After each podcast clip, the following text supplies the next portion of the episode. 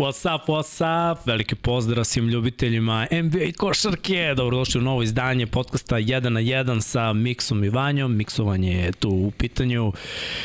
Odgledali smo play-in utakmice, spremni smo da pričamo o tome šta se sve izdešavalo, da analiziramo mečeve i naravno da najavimo ono što predstoji.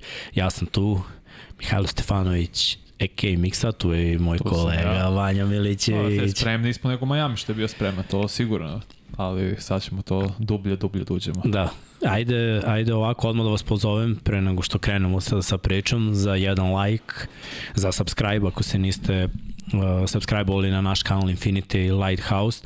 Inače, ja sam oduševljen komentarima nakon prve epizode ti ja smo se baš potrudili da odgovorimo na većinu. Ja, jasno, jasno, jasno. Ali videti na prv, u prva epizoda onako da bude ispraćena, znači da, da imamo like bukvalno više lajkova nego što je bilo ljudi u live-u, nakon toga u veliko komentara i da, da uglavnom... komentare, mislim. To sve, sve, sve je pozitivno, razumeš, da, znači da, da. Stva, stvarno mi je puno srce jer znam da radimo nešto što, što smo hteli, nešto što je dobro i nešto što je naišlo na podršku od strane publike i ba, baš se nadam da ćemo super da se družimo što se tiče ovoga. Takođe, pozvao bi, nas, pozvao bi vas da nam budete uh, na Patreonu pokrovitelji, takođe još jedan od načina da, da pomognete ekipi, da odradimo sve što smo poželi. Naravno, ko može, ko ne može, gledajte ovo i uživajte, u stvari zato radimo, a ako ste već u mogućnosti da pomognete, uh, pomozite, učinite nešto dobro za nekoga, ne samo za nas, kažemo opet, mi ovde ne tražimo, nije moranje, ako može, onda super, jer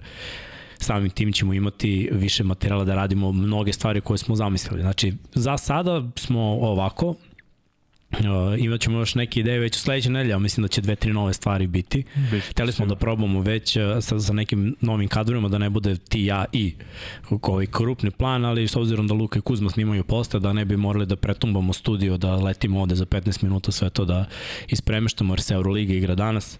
Tu smo malo odmorili. Veliki pozdrav svima koji su ovde u četu, ljudi pišite. Ja ću se truditi dok mi pričamo da i neko vaše pitanje, ako je pravovremeno napisano, plasiram i, i, i da govorimo i o tome i da, da, da vam odgovorimo. Naravno Q&A ide na kraju. Uh, ja, ja sam ispratio tekme, Samo sinoć nisam gledao New Orleans jer nisam mogao da ustajem jutro sa a ti? To je najzanimljivija utakmica od ove Video sam, mislim, ispratio sam posljednjih šest minuta kao da, celu da, da. tekmu i highlight sam pogledao, ali to je jedina koju nisam odgledao.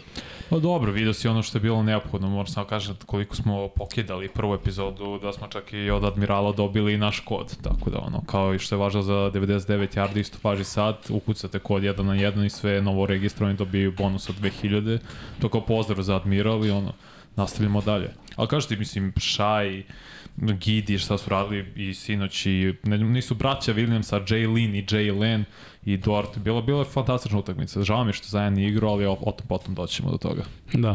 Ajde, ajde odmah da uh, prokomentarišemo uh, jednu stvar koja se ovaj, desila, da, da, da kažemo da je odigrano, znači odigrane su prve dve utakmice i dve ekipe su ispale, zato imamo taj thumbnail mm -hmm. i možemo Srki da, da pustiš thumbnail, da, da vidi, da li imamo thumbnail sa zvukom. Ne znam da ste bacili. Nema veze, ne, lagano. Nemoj, ne mora. Ne možeš da riskiraš, ali da. Sve, Ako ima na dnu je, znaš da zameniš, ako nema, nema veze. Da, lagan se. Nema veze, lagan nema veze, lagano, lagano, nemoj da brineš. Pričat će Vanja nešto, pa ću da dođem ja da zamenim na, na brzinu. Ovaj, ajmo, ajmo da krenemo onda od tog play turnira što nam je Srki pustio dole. Uh, mo mogli bi da dobijemo tu tabelu da vidimo, znači mm -hmm. Pera je sve to updateovao, tako da rezultate imate, da vidite, a mi možemo da pričamo o tome. Evo šta se desilo u prvoj utakmici koja je odigrana, uh, Miami je dobio Atla, uh, Atlanta je dobila Miami, tako da ovde Atlantu već vidite protiv Bostona, to je duel koji će se igrati. Boston kao drugo plasirani, Atlanta kao sedma ekipa, a s druge strane taj prvi meč koji se igrao nakon našeg podcasta, LA Lakersi su dobili Minnesota, tako da su oni sada na mestu broj 7 igraće protiv Memfisa i od, krenut ćemo u stvari prvo od Atlante i Miami, da, to, je, to je, to je matchup koji bi ja prvo komentarisao i imamo dole Srki potpise kao, da, kao dok pričamo o utakmici da, kao nalepnice. Ovo je Vanja želao. A ja ću, da, ja ću da se bunim, ali prvo ću opustim njega jer je on želeo da bude ovaj naslov. Kaže, Trej ohladio vrelinu. A, da, ohladio vrelinu u smislu da što mu je nadima Kai Stray, ledeni Trej. Nije, mislim, Trej je odigrao dobro, da se razumem. Ima, evo, imam statistiku ispred sebe, 25 pojena, 8 skokova, 7 asistencija, ali ono što je, su zapravo Hawksi uradili, bili fizikalni, čvršći i prosto jače igraju od Majamija. Mislim, to je sramotno kako je Miami igrao Atlanta imala 63 skokova. Miami imao 39. Da, da. Bela imao 21 skok, 8 u napadu, više od celog tima Miami, što je sramotno da Miami koji je poznat i Erik Spolstra i Pat Riley po njihovoj kulturi. Često ljudi pričaju mi ovde spominjem taj hit culture, njihova hit kultura nije se videla. Tako Nisu je. se pojavili. Mislim, neću pričati o Jimmy Butler koga ja volim, koji igrače dosta, ovdje ga je grozno. Ti ja smo se 619. dopisivali. Da, Ti ja da. smo se dopisivali dok smo gledali utakmice svako kod svoje kuće. Ovaj, prvo, prva stvar koju sam ti ja napisao je bila da je odbrana Miami. Upravo. Znači, to, to je prvo broj jedan. Ajde da krenemo od toga. Uh, poeni iz druge šanse, 26 šest. Atlanta. 26-6. Baš je 6, da, da. Znači, Miami ima šest poena iz druge šanse Strašno. s takvim skokom i efikasnošću iz drugog napada. Mm. -hmm. Mislim, Atlanta imala i po tri napada, bi bilo i toga. Znači, Jeste. bilo je svega kapela, Capela je 21 dominirao. skok. Mislim, dominira, ali to je Quinn Snyder zapravo, pošto je on od... Quinn Snyder ima ludu energiju i nekako ga ekipa baš Jest, gotivi. Jest. Oni su, kaže, od kad ih on preuzeo, jedni od najboljih uh, ofanzivnih skakačkih timova u NBA-u. Možda čak i rangiraju najbolji, uh, najbolji NBA po procentu. Ali to je nevjerovatno kako je Miami neko potihnuo da Kyle Lowry, koji je stari, mislim, ok, možda je bio van formi, sve to da 33 pojena, ima 11 od 16. Postoji razlog zašto je Kyle Lowry dao toliki. Jeste. Koga je čuvao? Pa trej. Najgori defanzivac u ekipi Atlanta. Znaš šta, ja Atlan, za Atlantu ne sumnjam da oni mogu da daju poen, iskreno. Stvarno verujem, oni su top 5 rangirana ekipa ofanzivna mm -hmm. po broju postignutih poena. Znači oni imaju posede, oni daju poene, imaju dobre šutere, uh, imaju način da, da, da prorebe, mogli su da daju još više poena na ovoj utakmici. Bilo je nekih situacija tipa Kapela si ispromašivo, šest bacanja vezanih je promašio. A to su bile situacije da je bilo 2 na 1, da je on imao zakucavanje, pa je neko napravio pametan faul i onda on ne može da pogodi vola, a ne obruč. Pa da, to je radio pametno Miami, ali opet nikako nisu dovoljno, došli dovoljno blizu. Sve je bilo 5, 6 do 10 razlike za Atlantu, tu su bilo u jednom momentu 24, mislim, na ono, Da. to opisivali smo na polovremenu, Miami mogu pogodi ništa. Ja Jeste. sam napisao ta tebi kao, pa stiže ih Miami, lomi ih. Pa dobro nisu i- mogli to ali- da, da naprave. te Da, nisu mogli da prelome, ali lomili su. Odmah start treće četvrtine je Mhm. bio dobar i bile su dobre šanse i na kraju utakmice. Mislim, bilo je neizvesnije nego što sam očekivao nakon što su držali Stegli 15 smo razlike dosta. I naročito nakon onog jednog segmenta Treja Younga, ja sam ti to pričao, jeste ta statistika i za- zato mi se ne sviđa ovaj naslov jer ispade, na, uvek ispada, to, to, to je nešto što mediji diktiraju, ja to stvarno ne volim. Da, da, da je on će izmisliti koš i napraviti situaciju za sebe naći će, znači imao je i na ovoj utakmici taj njegov dobar prodor, pa baci floater, pa je imao isforsiran šut za tri, ali to su njegovi šutevi koje on pogađa. Imao je dobre asistencije, to nešto što radi cele godine, ima 10 asistencija po tekmi. Ali brate, imao je segment za 5 minuta da je dobio tri banane, izgubio četiri lopte i na- napravio faul i Miami je napravio seriju 8-0 Tako je. za, za to vreme. Znači, ali i s tim, mm -hmm. sa tim možeš da igraš protiv Majamija. Tim ne možeš, s takvim Trejem Youngom ne možeš da igraš protiv Celticsa. Jedna ozbiljnija to neće ekipa će to, će to zatvoriti Pa, i to je meni razlog. problem kod Atlante. Znaš, oni, razlog, znaš, što su sve ove ekipe u play-inu. Mislim da, se, mislim da će Bostonu biti mnogo lakše protiv Atlante nego protiv Majamija. Jer ja napisao Trey ohladio malo i sarkastično Miami jer on je bio mnogo lošiji prethodne godine u play-offu protiv Majamija. Ovo 25-8-7 je za njega top protiv hit. Mislim, 8 od 18 iz igre je dobro, samo što šutirao grozno za 3, 1 od 8. I imao 5 izgubljenih. Ali uglavnom je igrao bolje nego što sam očekivao. Znaš, mislim, dobro je Da. da. 8 od 18, skoro 50% iz igra, to je okej. Okay. Jeste, samo ga je Lauri nadigrao, znaš, baš mu je do, nije ga on čuo sve vreme, jer je izlazio, nisu bili uvek, ali nije mogao da se nosi s njima. Ajde da kažemo, bojca su niski, Lauri je samo malo puniji, ali, znaš, rešavao, njegov šut za tri je bio savršen na, na, ovoj utakmici. Lauri, 6 od 9. Da, da. Mislim, ali opet su bile situacije isto i, i neki prodori bilo je lepo gledati, znaš, ti ja smo pričali da on nije u formi i sve to i onda je on izašao iz dominirao. Drugi igrači su mi bili upitni. Tipa, Adebayo je tek kasnije u trećoj četvrtini krenuo da koristi one svoje sa niskog posta kada uđe u sredinu i baci neki polu horog. Nix ima 12 pojene. Znam, zato, zato što je, to kuli... sramno. Tako je, 12 za, igre. za njega je sramno, ali redko je rešavao te situacije. Redko je pokušavao da dođe u tu situaciju. To, to mi je isto bio Ušli problem. su u minus odmah na početku i, od, i bilo je odmah, ok, moramo brže da igramo da to stignemo, što više šuteva za 3, mislim, evo sad vidimo ovde 11 od 34, a Miami Da. nikad nije poznata šuterska ekipa. Pa nije, pa šta, to su Lauri i Hero. Jeste. Ko je Butler nije šuter za Mislim, 3. Hero je loš šutirao, 2 od 9 za Da. 3 isto. Al Butler me razočarao. Mislim, što je bio nadimak Jimmy Buckets, Himi Butleru i otigo je grozno. 6 od 9, to je baš nedopustivo za neko Gle, ko je kao super zvezda ili nešto stepenik ispod toga. Jeste, Atlanta ima neke klince koji defanzivno mogu da, da, da odrade posao. Iskreno, ima, ima tu par momaka ko, koji onako lete, koji su visoki. Mm -hmm. Dakle, znaš ono, visoki, Smetaju. širokih ramena, širok, veliki raspon ruku Da. i, i mogu da odrade posao. I na ovoj utakmici su me iznenadili. Naravno, iznenadili su me iz druge strane.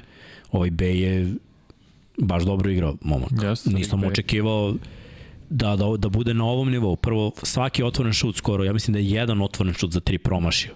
Otvoren šut. Imao je par nekih isforsiranih, ali dobro, kad pogodiš, kad pogodiš tri, normalno da ćeš da, da isforiš, naročito iz onog levog kornera. Tu je dva pogodio, pa je povuklo ga. Mislim, to je normalno povučite loptu. Ali neki prodori, kucanja, i defanzivno kako je odradio neka hva, hvatanja koja je imao u krucijalnim mm -hmm. momentima kad je Miami mogao da dođe do novog napada on je to rešio defanzivnim skokom Atlanta, klub Atlanta imao 53 poena. mnogo više tako je klupa Mislim, Hero im, ovaj Hero, pardon, Larry imao 33 sa klupe, ok, i Pa. ostala dvojica, ću ti kažem, Kevin Love imao 2 poena No. i Seller imao 2, to je to. Lav ne prima. Ne, mislim, čitam Miami se raspadao i, i to mi se uopšte nije svidelo i sada, ajde da kažem ovako, pošto ovo bio duel sedmoplasirane i osmoplasirane mm -hmm. ekipe nakon regularnog dela, Miami ima poslednju šansu. A njihova posljednja šansa, vidjet ćete posle protiv koga će igrati, pričat ćemo o tom, ajde sada da ne javim. Znači ovo im je sada bukvalno za spas. Samo zbog toga nisu ispali iz play-in slike, zato što su bili ekipa koja je sedmoplasirana, pa ajde, i dalje postoji nada da budu bar broj 8, ali taj broj 8 ide na Milwaukee. Pa, Tako ide na najbolji tim i ne znam koliko to Miami znači, iskreno. Ja ne vidim scenariju gde oni mogu da iznenade Milwaukee da ih dobiju. Ni u jednom ludilu, iskreno bolje možda čak i da izgube. Da. Idi u neki mini tank, mislim, moraš očigledno da malo osvežeš tim i malo mlađe igrače da, do, da dovedeš. Lauri je stariji, Kevin Love i sve to Jimmy Butler polako usporava i on ima koliko 32-3 godine, nije više u Zenitu, tako da je neophodno mali rebuild za Miami. Nije, oni su propustili svoju šansu za titulu prošle godine. Za još jedni, makar za još jedno učešće Pa da probaju da stignu, da, da stignu. Tako da do- ne verujem da je ovo je baš bilo loše izdanje Miami i vidjet ćemo, mislim, znamo s kim igraju. Ja mislim Treba da se razbuditi. Mislim, pazi, igrali su na domaćem terenu, znači ni to nije opravdanje. Nije. Imaju istog trenera godinama, ni to nije. Znaš, nemaju neke tektonske promene ni na svom rosteru, ni na klupi, ni u strategiji. Jednostavno igraju loše. Sad, Obno, da, obno. da. To je to.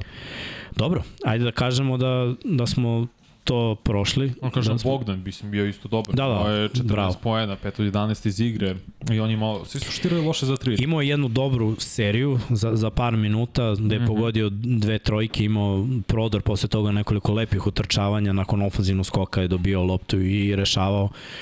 I, I u toj seriji ja mislim da je 10 pojena postigao i dva bacanja, pa posle malo stao. Kad je postigao tih 10, meni je dalo levo je tekma preko 20.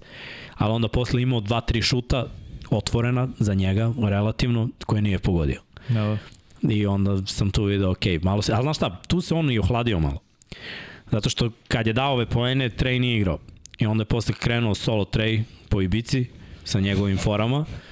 I znaš, kad ti ne pepneš loptu 5 minuta, bio si u nekoj seriji, Či ispadneš iz serije, Da. da. mislim. I, i to, to je još jedna stvar zašto mislim da Atlanta ne može da ide dalje. Sa svim tim asistencijama on Burazer da doda loptu svaki put kad treba, bi imao 20 potek. Davi loptu, mislim, to je triangle, prosto davi loptu ima jedan od najvećih onih usage rate u NBA-u, mislim, on, Luka Dončić, ne znam ko je treći, imaju najviše. I to je tako, prosto, sad sam ja rekao, trebali bi da ga traduju, ali evo, sad su napravili korak, idu protiv Bostona, gde ja ne, ne verujem. Mislim da će biti onaj džentlmenski uh, Da. sweep. Ajde, možemo neku Pa, prvu kratko. projekciju, pričat ćemo o tome kad bude došlo vreme, ali ti deluje da mogu da uzmu više od dve pobede, aj dve maks, Ma, jedne ili ja, dve. Jedno, mislim, i to je to, iskreno. Dobro. Kažem, džentlmensko očišćenje očekujem od Bostona, možda čak i 4-0. Previše su ozbiljni za ovakvu Atlantu. Stoji, stoji. Zato i ti ja imamo ovde Celtics iz, iz, iza, iza nas. Da, pa. Ništa, ajmo, ajmo dalje. Idemo na drugu utakmicu koja je igrana, znači, u noći između utorka i srede, to je bila utakmica između Lakersa i Timberwolvesa, pričali smo o tome, Gober je bio suspendovan, izašli su bez njega, ali su izašli spremni i iskreno vodili su celu tekmu. Lakersi su pokušavali da prelome, nisu uspevali, evo onako kako ti je moj neki utisak. Uh, Lebron je bio pasivan, hteo je da razigra i sa igrače. Međutim, neki od njih baš, baš se videlo da nije ovo njihova tekma. Prvo ću krenuti od jednog od mojih omiljenih bekova, to je D'Angelo Russell, koji nije mogu ništa pogodi. Imao je katastrofa, šut, forsirali su ga u prvom polovremenu, drugo jedva je da je igrao. Da nije bilo Rivsa, sumnjam da bi imali neki niz, jer je on def, defanzivno i iz tranzicije krenuo nešto da radi, oslonili su se na njega i na Šrudera, to je bila neka zamisao, i da Carl Anthony Towns nije pokupio prvu četvrtu, pa otišao na klupu na, na malo više vremena, pa onda i petu ličnu, gde je presedeo veći deo treće Uopšte. četvrtine i četvrte, znači Tako je. drugu polovinu treće i prvu polovinu četvrte četvrtine. Ja sumnjam da bi Lakersi ovo krenuo. Tek kad je on izašao zbog nedostatka visokih igrača, jer znamo da je Minnesota imala problema i sa povredama i sa suspenzijom Gobera, oni su bukvalno ostali na Carl Anthony Townsu da čuva Antonija Davisa. Pritom ga je Towns vrhunski napadao u prvom poluvremenu i rešavao. Ali kako je stalo to, stale su nekako i ideje Minnesota, pritom je Anthony Edwards imao groznu tekmu, isto kao i D'Angelo Russell, njih dvojica su se puništili međusobno. Što nisu mogu pogoditi ništa. A govorimo o jako dobrim šuterima, pritom Edwards je ubica, ako govorimo atletski. Da, Njegov da. najbolji potez na ovoj tekmi je bila banana ona. Jeste, jeste. Hočimuru je Tako i je. njega Da, da, zalepio. Rudi. to mu je najbolji potez bio na tekmi. Za jednog, mislim, jednog ofanzivnog igrača, ja moram da kažem, on ima šut i atleta je, ima fade away, ima prodor, ima završnicu, da, da, da mu to bude najbolji potez na, na utakmici, nekako ni, nisu odradili posao. Znaš ko mi je bio najbolji igrač? Mike Conley. Mike Conley, doktorski veteranski odigrao. Čak i Huveo i produžetak. Prvo otvaranje. glupost, ne, ne, Anthony ne, Davis. stoji, ali prvo otvaranje. Mnogi igrači bi ostali na 45. Znači on je znao gde da beži, pobegao je skroz, skroz u ugao, u sam korner, gde je sačekao Davisa koji je jednom probao da ga blokira i ostao kratak, a on mu je dao trojku iz ono polu finte pa šut, kad ga je sačekao da padne. Isto iz tog kornera.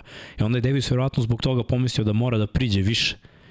Ali, mislim, kontakt je bio minimalan, ali ajde da kažemo da ono, Ako gledamo pravila, jeste mu ono doleteo na, na noge. Ali levoruki šuter iz desnog kornera, znaš, ta lopta baš mora da, da, da ide savršeno da bi, on je bio bukvalno uz out liniju, čeoni out liniju. Mhm. Odradio ga, mislim, nema šta. Odradio ga je šmekerski. Pa, Mislim i cela njegova tekma, on je u jednom trenutku imao 6 od 7 za 3. Jeste, Pa je posle promašio-. Posle promašio još da, jednu. Da, da, mislim, Conley je odigrao fenomenalno, ajmo krenuti od početka. Prvo, Lakers je ovo je neki način i prva pobjeda za njih, jer oni su, moramo ovo kažem, Lakers igraju sjajnu odbranu nakon trade deadline-a. Mislim da e, objektivno su top 5 što se tiče odbrane, ali moramo da uzmemo odbor protiv koga su igrali. Protiv Minnesota koja je dominirala sve dok ti nisi rekao, dok Karl Anthony nije ušao problem sa faulovima. I ono po meni nije faul, što je sviran uh, kad su se gradili Peti Anthony Davis. Da. peti faul, da je diskutabilan. Ne, ba, ne da, da, do spustio, ali kapiram, igra su LA-u i sve to su Lakers, onda će uvek dobijeti takve faulove. Druga stvar, Minnesota u drugom polovremenu šutnula tri bacanja. Pa nisu bili agresivni. E, to je problem. Ja No. sam očekivao baš od Anthony Edwardsa, baš me razočaruje, mislim, Gotinga i njegovu igru i mislim da može da bude top 10 igrač u NBA-u, još malo da sazre, ali 3 od 17 je nedopustivo.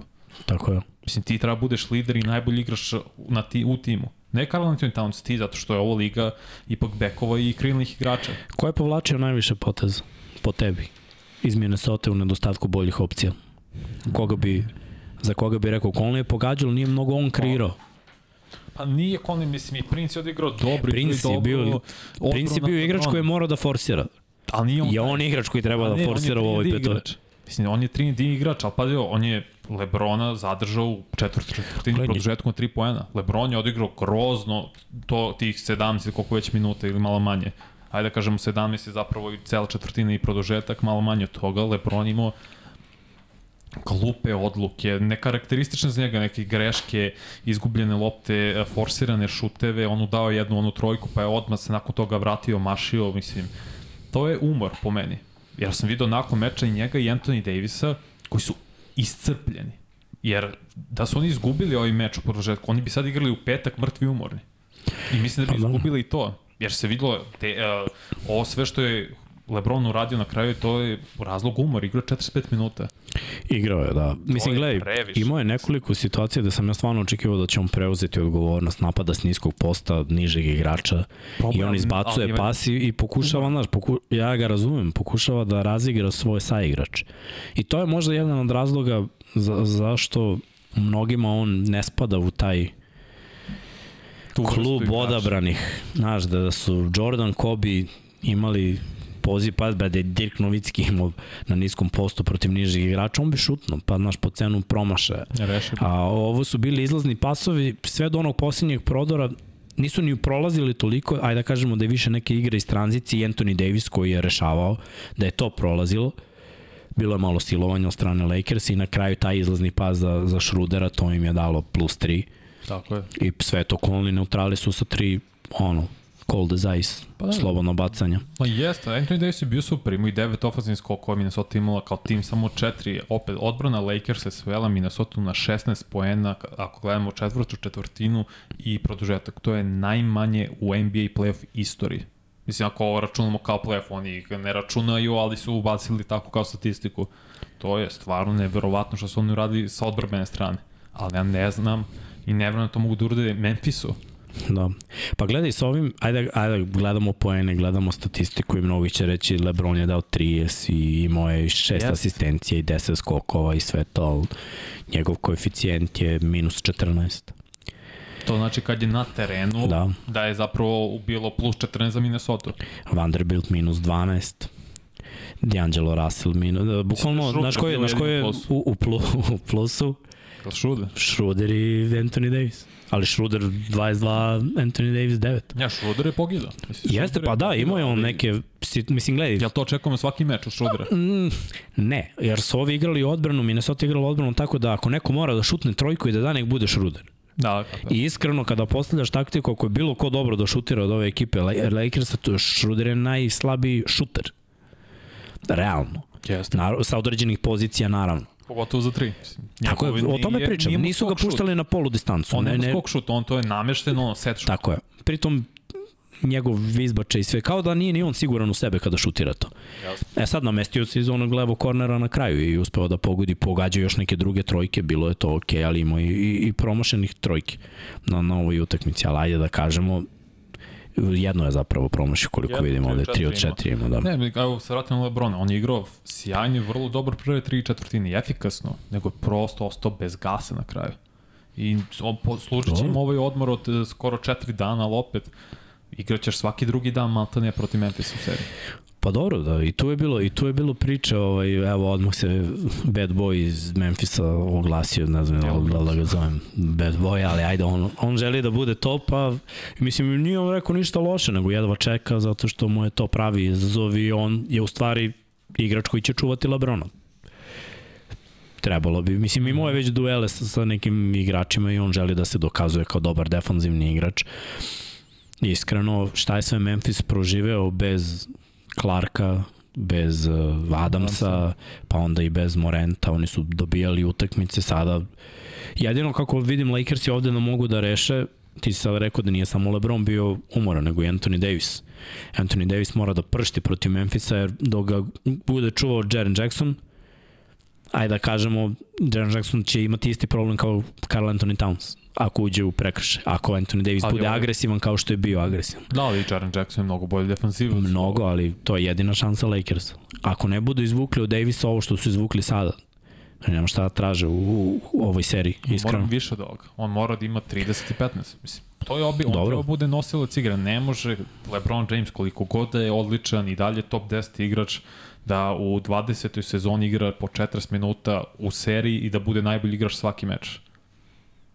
Umreće čovjek, bukvalno je stvarno ima ozbiljnu povredu da doživi zato što ne može više da gura tako. Još Memphis igra mnogo brže nego Minnesota. Da. I bolju hemiju ima. Minnesota očigledno je nešto i uzdrmani su sa hemijom i sve. Memphis nije. Oni znaju ko su, šta su, igraju kod kuće. Prve dve utakmice, stvarno bit će preteško Lakersima, ako ovako igraju. Neće dovoljno poena uspeti da postignu. Stoji, stoji. Ali dobro, bila je zanimljiva utakmica, rešena na kraju. Yes. Znači ja stvarno nisam teo da je gledam do kraja, jer sam mislio da će mi se spavati. I ono, godila sam prvo polovreme i tu se lomim da li da gledam dalje ili ne, da li da čekam sutra i onda ajde kao krenulo je polovreme i gledam i sve mi deluje kao da će da prelome. I onda sam morao da čekam do kraja i gledam i ne verujem. Ovo kad je bilo na kraju za trojku, bukvalno sam se smeo, rekao Conley šmekerčinu. Ja volim Ali to je. Anthony Davis već uradio jedno protiv Dallasa, Da. da. sećaš. Da, Mislim, da je ovako bez te trojke. Lakers su uh, sveli Minnesota na 9 poena za jednu četvrtinu. Jesu, da. Maltene. Ali je opet, ja bi se vratio na pet ličnih i bez Jest. ideje, bez Anthony Towns. Jest, apsolutno. To mi je bilo onako najveći problem u igri Minnesota i ta neka skraćena rotacija, ako tako mogu da kažem. Dobro, Lakers idu dalje, oni su na mesto broj 7, idu protiv Memphisa. Moram da te pitam, da li ti deluje da ta serija može da bude zanimljivija od ove druge kada ukrštaju 2 i 7? Može, može sigurno. Pre svega zbog Anthony Davis i LeBron Jamesa, koji su realno bolji od bilo koga ko ima Memphis, računajući i Jamorant. I više iskustva imaju i ceo tim je iskustva nego, se, nego tim Memphis, ali ovo su prosto mlađi, možda su i gladniji i napaljeniji su i oni su u fazonu mi vas sigurno dobijamo. Jel veruješ da mogu da, da Lakersi dobiju Nakon ovu seriju? Ne. Iskreno, mislim da će biti Memphis u šest. Vidjet ćemo još, mislim, pričat ćemo mnogo i daćemo naše predikcije u sledećoj, ali za sada se držim da će biti Memphis u šest. Jako bi volao da prođu Lakers i navijam za njih, ali ova partija baš me ostavila... Je Memphis beš ima najbolji skor na domaćem terenu ove sezone? Mm, mislim da da. Mislim da ja mislim da imaju. Nisam siguran. Mora bi to Mislim da da su top proverim. 3 sigurno. Da, Da li Denver isto? Golden State, zato što su grozni u, Golden State da ne, grozni u gostima. su- Ne igraju u gostima. Imaju 30 čini se pobjeda ili 31 kod kuće, tako da su tu sigurno top 3-4 Memphis Grizzlies, mislim, biće puna arena. To to. Sigurno će biti Biće zanimljivo. Biće zanimljivo. Dobro. Imam Ajde. Pitanja za ove dve serije. E, ljudi su ovde dopisuju koliko vidim, neki kažu da, da su odlepili kad je Davis napravio taj faul, to ljudi potpuno razumem. Isto. A, imamo 100 ljudi u live-u, 101 čovek, 101 duša je tu, ajde bolje tako da kažem, da se Bojana ne uvredi. Za nju sam primetio da je tu jer komentariše, Evo, pozdrav, Bojana Znam, Bojana zna.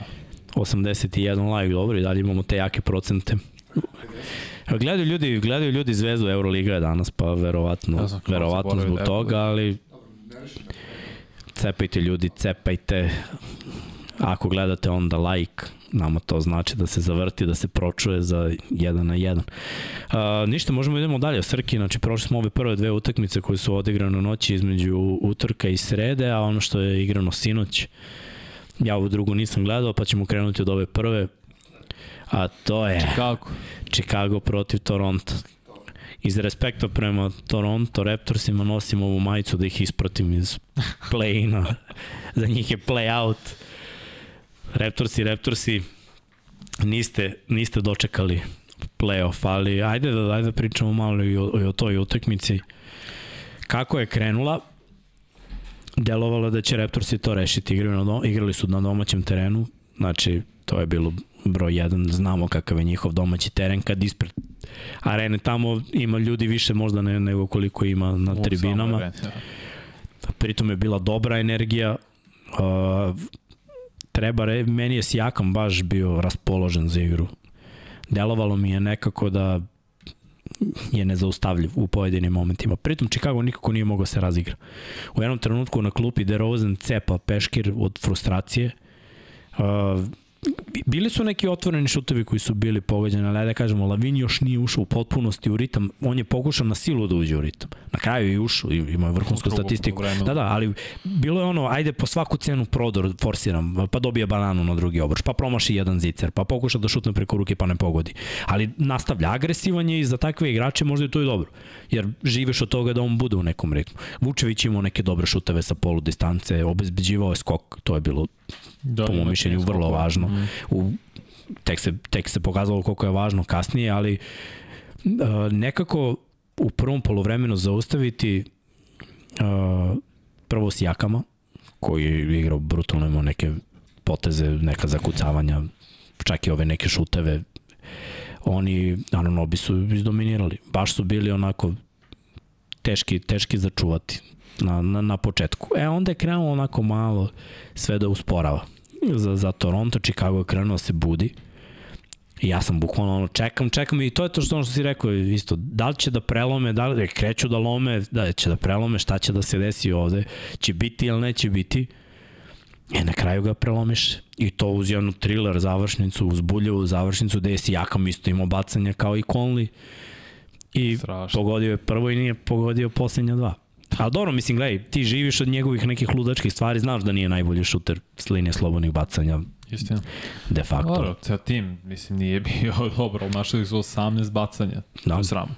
Mislim, ti i ja bismo pogodili više. Evo, kudim da. ti se mik, znači ti i ja sada brate, sigurno više pogodili bacanja. Jak jedan bacanja, brate. Ne možda mi objasniš, znači ti si omašio Neke šuteve nemam, ali bacanja za Amerikance sam tata. To je najviše u elimicanje, utakmici od 1969.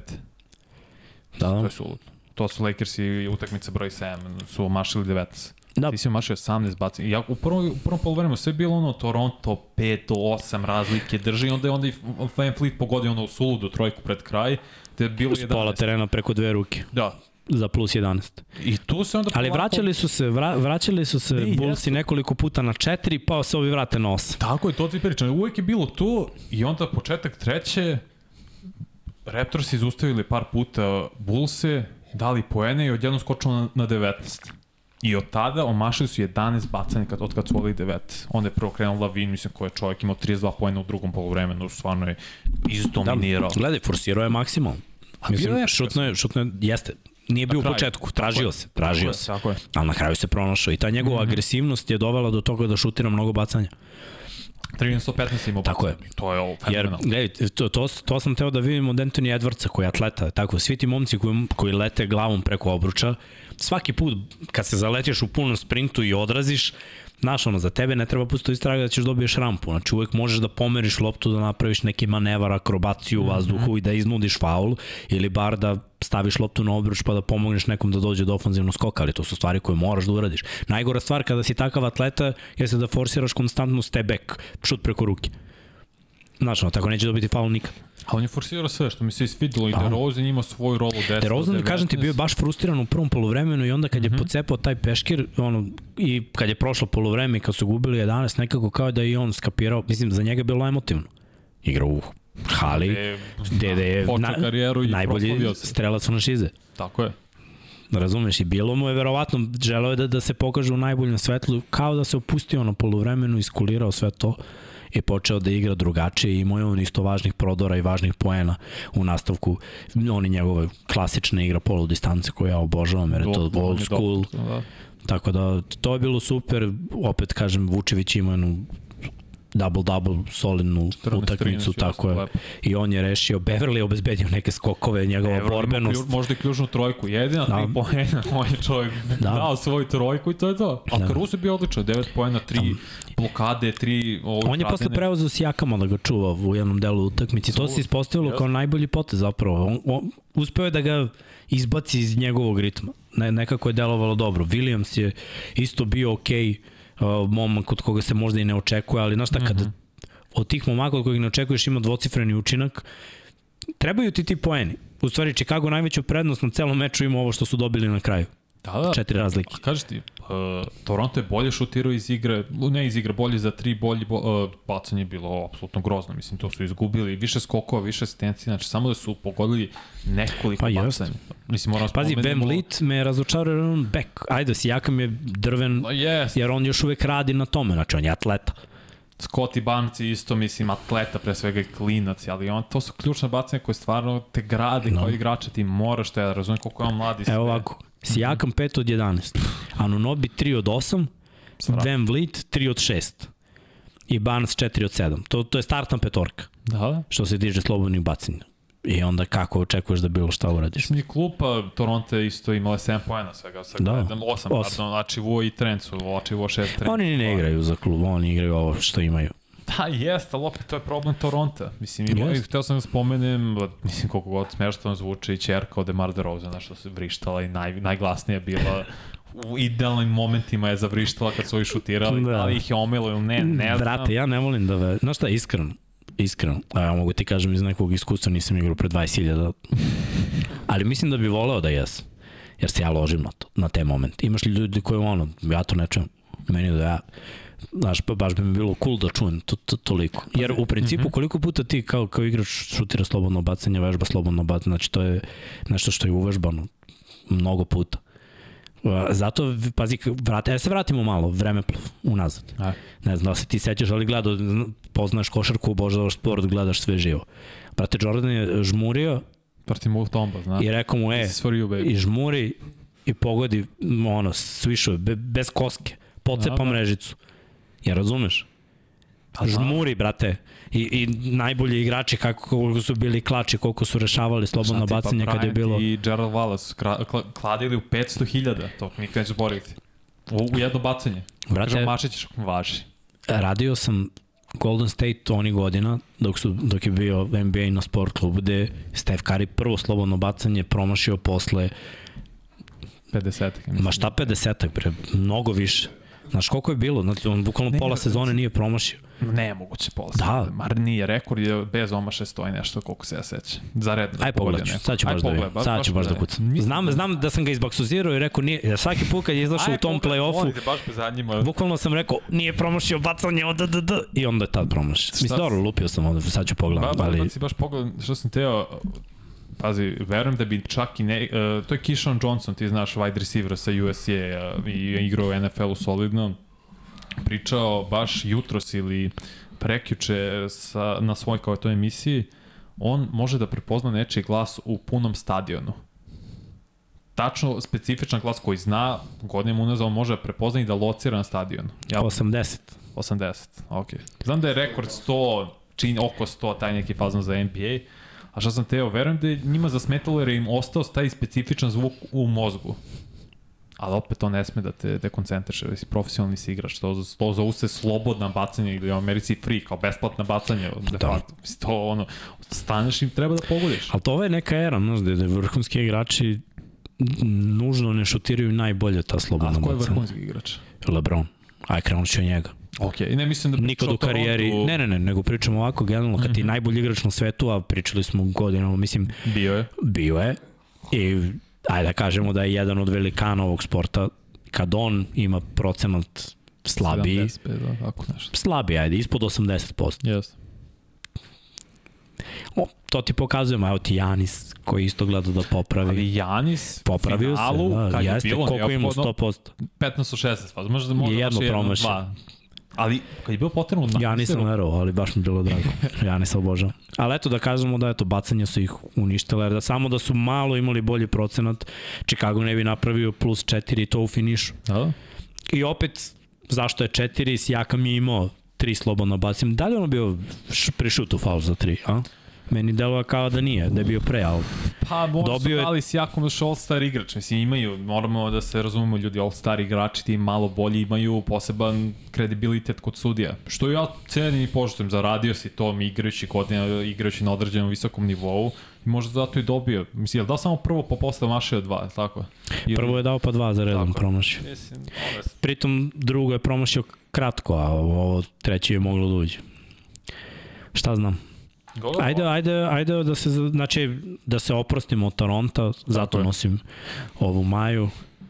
Pozdrav za moju La Familiju iz Kanade. Te neki pošle neki dres. Idem u imam. Ali isprost. Ovo je isti do ovde što je Cartera. A, ovo sam ljubičast. Da, da, da, samo ljubičasti, da, ali to je već staro, malo manje staro nego ja, a to je mnogo. Uj, pa Ovaj. nije, pa koliko to može bude staro? Dva, Pa šta je? Pa, brate, stariji, više od 20 godina. Mlađi od mene. šta? više od 20 godina. Pa dobro, tu je. Mlađi od mene. Nije Da, dres je mlađi od Vanja, eto. To, to je podvig.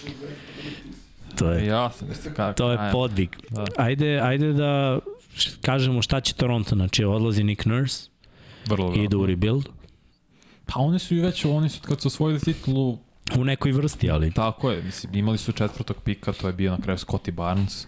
Može se čeka da on napravi taj sledeći korak, ali fali im, ne mogu kažem ni dubina, već prosto zvezde im fali. Mislim da Sjaka može bude dobar druga, eventualno treća opcija, tebi treba vrhunski napredove je si jakam. Napravo je on svake godine, ovo je sad možda bilo 8 ili 9 godina u ligi, ne, ništa nesporno, ali ne, ne može bude prva opcija u šampionskom timu Sijak. Tebi treba vrhunski bek, f, Fred Van Fleet sve pohvale, mislim, on zna da igra košarku i vrhunski igrač i basketaš, ali mali je. Mislim, to je isti problem sa i Trae Youngom i tako tim, on je prosto mali i ne igra odbranom. Chris Paul jeste mali, ali je kida u odbranu. Da. Ko bi mogao da bude ne? novi trener? Uf, odlično pitanje. Hmm. E, im, ime Udoka. Misliš? Imam Ajde. hunch. Da, dobro. Ja volim da te pitam zašto ti imaš te neke prognoze koje se... Mislim da može ime da bude i pričao se nešto baš o tome i ne bi me čudilo. Mislim, ok, to Sa strateške strane nije to problem, ja mislim više zbog ovih skandala van terena. Da, ali prošla godinu dana, mislim da ono, oni imaju taj fazon, ok, skloni se godinu, dve, eventualno i posle, ako si Pa pa, da. dobar u svom poslu, dobit ćeš drugu šansu sigurno. Pa evo, kažu ovde Kalu i Blagoj Ačevski da su, se šuška da bi Udoka Mhm. mogao da dođe na razgovor. Ništa, ajmo mi dalje, Srki. Idemo dalje, sledeća utakmica koja je bila je Uh, nije bila ova, ali nema veze, možemo i na ovu. Pa jeste ovo bilo. Da, jeste, bravo. Tri smo prošli, je, da. A, I ja, izvinite, srđana. izvinite, izvinite. nisam ja ništa uradio. Ovo je kad dođeš da gledaš NBA do kasnih sati, od, od ranog jutra si od.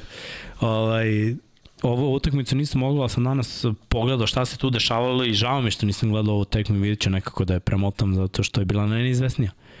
Ova tekma je bila neizvesna od starta do kraja, nije bilo ovih ludačkih preokreta, nije bilo ove jurnjave.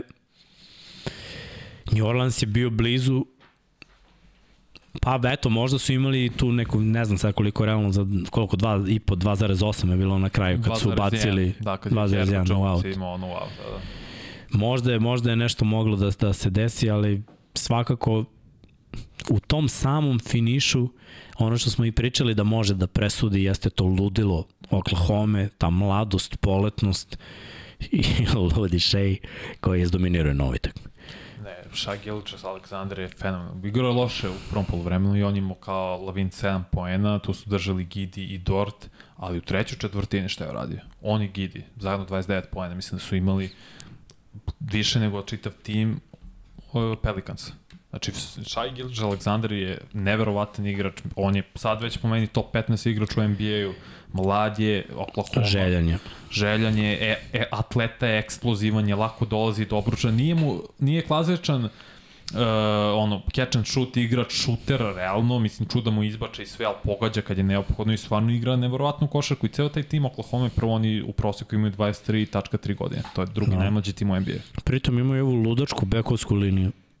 Karilnu, sve linije, svi su Znači, oni 6-8, to je znači 2-0-3, malo možda niži, duge ruke, svi su No. da prevedu loptu da Nova asistiraju. Jalen Williams i Jalen Williams su znači fenomenalni. Oni, Jalen, evo sad i moram, Jalen, pardon, ne, Jalen, znači ne može sa prezimenom, sa imenom i pohvatam. 8 poena, 8 skokova, Da. o, 8 asistencije. Da, da. Mislim, Jalen je imao 11-4-2, ali ima neke ključne poene u četvrtoj četvrtini. Dobro, oni dopunjuju, znaš, ali ova bekovska linija, Gidi, Dort, je Gidi i Dort. Shai, Zajedno njih- njih 90 imao. njih trojica, da, bukvalno ukruglo 90, Da. 32, 31, 27. Fenomenalno. I kada imaš takvu liniju, evo ja sad razmišljam na zapadu, za, zašto oni meni opasna ekipa, ja od njih ne očekujem mnogo jer to je divljaštvo. ali divljaštvo može dobiti bilo koga. Tipa da se igra sve ovako na, kao kup forma, jedna utakmica. Dobili Ovo bi bio najopasniji tim. Da. Jer njih ne smeš da otpišeš, jer niko nema ovoliko mlade, željne, brze i eksplozivne igrače na pozicijama 1, 2, 3. Tako je. Mislim, pazi, Šaj, kažem ti, imao je 8 poena u četvrti četvrtini, sve je bilo u poslednjih minut 40. I po, on i pogađa najviše bacanja u proseku NBA-u i stvarno igra neverovatno, ima jednu ključnu ukradenu protiv Ingrama još dok je bilo tu na pola koša za Pelikance. Gidi sa 20 godina imao je 30 poena, 10, mislim 30. Evo gledaš taj klač. Šaj bacanja 8-8. Gidi 6 od 7, Dort 7 od 8. Dor koji je, nije šuter, mislim, on je, na, on, ti znaš, građan je kao linebacker, mislim, stvarno je igra odbrano, ja obožavam to i izuzetno pošten kod Dorta, jer nema talenta, realno, nema neki sad košarkaški talent, ali se trudi i stalno daje 110% od sebe. No, 50% za 3, 4 trojke dao. Napredo je, ali kidao je odbranu. Da. Da. I stvarno nemam ništa, mislim, Biće problem za Denver, ja verujem da će oni pobediti Minnesota. Misliš? Da. Na to ludilo, na brzinu? Na brzinu, na ludilo, na samopouzdanje koje su stekli. Mislim, mora, i Oklahoma se nalazi u fenomenalnoj poziciji. Oni imaju 15 pikova u prvoj rundi iz narednih 5 godine. Imaju kor igrača koji, oko, oko koje mogu da grade mogu da dovedu još all-star igrača. Imaju draft Tako je kapital. da imaju draft kapital, mogu da traduju i da naprave čudo. Stvarno su neverovatni. Mislim, Jesu. šta je problem za Pelikance? Nije E, pa nije mi ovo bilo toliko loše, opet kažem, oni su ostavili meni jedan dobar utisak i delovalo mi je kao da su na dlaku od i opet kad Ingram pogodio onu trojku u finišu i delovalo da Yes. može da se desi. I ima 10 pojena u četvrt, četvrtini, samo neko ko- kad uporediš njeg, za Šavih 8, njegovih 10, ovih 8 su mnogo značajnijih. Jer je Mislim- na kraju sve išlo. Da, statistički gledano bio je dobar, 30 poena i 7 asistencija, 6 skokova i blokada. Ja ako pogledaš raspoređene poene, opet rekao bi da, da Prva petorka je fenomenalna. prva petorka je bila sjajna, kao da im fali malo klupa. Malo, možda i malo više. Fali im zajem. Da. To je problem. Još jedan igrač, mislim pritom to je obezbeđen skok, To je ti 25 poena. tako je Pa, bez preterime, to je 25 poena u 60%. jedan način na koji on igra ne bi, mo, ne bi ga lako čuvali, morali bi da naprave prekršaj, ušli bi u bonus, Tako je. Evo, Pelikansi bi imali laku situaciju jer bi u nedostatku boljih ideja spusti mu loptu, brate, na niski post i pusti ga neka gura. Mislim, on Ne čovek, Još ima 120, 30 bukvalno, ugora svakog, ja ne znam ko njemu može da parira ovako fizički. A i tu ima sad dosta problema, jer Pelikanci i njihovi zapravo doktori su njega, ono, dali su mu dozvolu da igra. On je bio fizon, ja se ne osjećam kao ja. I kao neću da igram. I sad tu, ne, ne znam šta se tu dešava. Žao me baš zato što Zion postaje igrač u teoriji. Ti ne, ti on je super je kad je tu, realno, ali nikad nije skoro tu. I on je kao u teoriji je super, ali kad će da igra, da li će da igra. I žao mi zašto su Pelikanci bili najbolji tim u zapadu, jedan od najboljih, kad je on zdrav. No, ove sezone. To je 29 utakmica, to je nedovoljno. Da. I baš mi je žao što Jeste, neće. pričali smo o tome i prošli put da, da su tanki i da su Yes. fale neki igrači. Mislim, fali im, da, fali im zdravlje, fali im on da bude, da bude zvezda najbolji igrač. Ja volim uh, Ingrama i sve, ali nije kvalitet da bude opet najbolji igrač u šampionskom timu. Super je za broj 2 McCallum, broj 3. Herbert Jones je uh, napredovao dosta Trent, uh, ovaj, Trent Murphy isto, Valenčinos, oni imaju dobar tim, do, Alvarado isto nije igrao, Da. to im je škodilo sigurno u odbrani Dobro, on gnjavi, umorio bi dosta, Mora, on te da, izmara. da. Takvi igrači, od njih očekuješ samo da te umori i on će postigne neke poene. Pa tako je. Izgradio je neki Denver. šut, da. To ti je taj fazon, ali znači opet Zion, ja se samo nadam da će nekad biti zdrav, ali mora da skine još kilaža.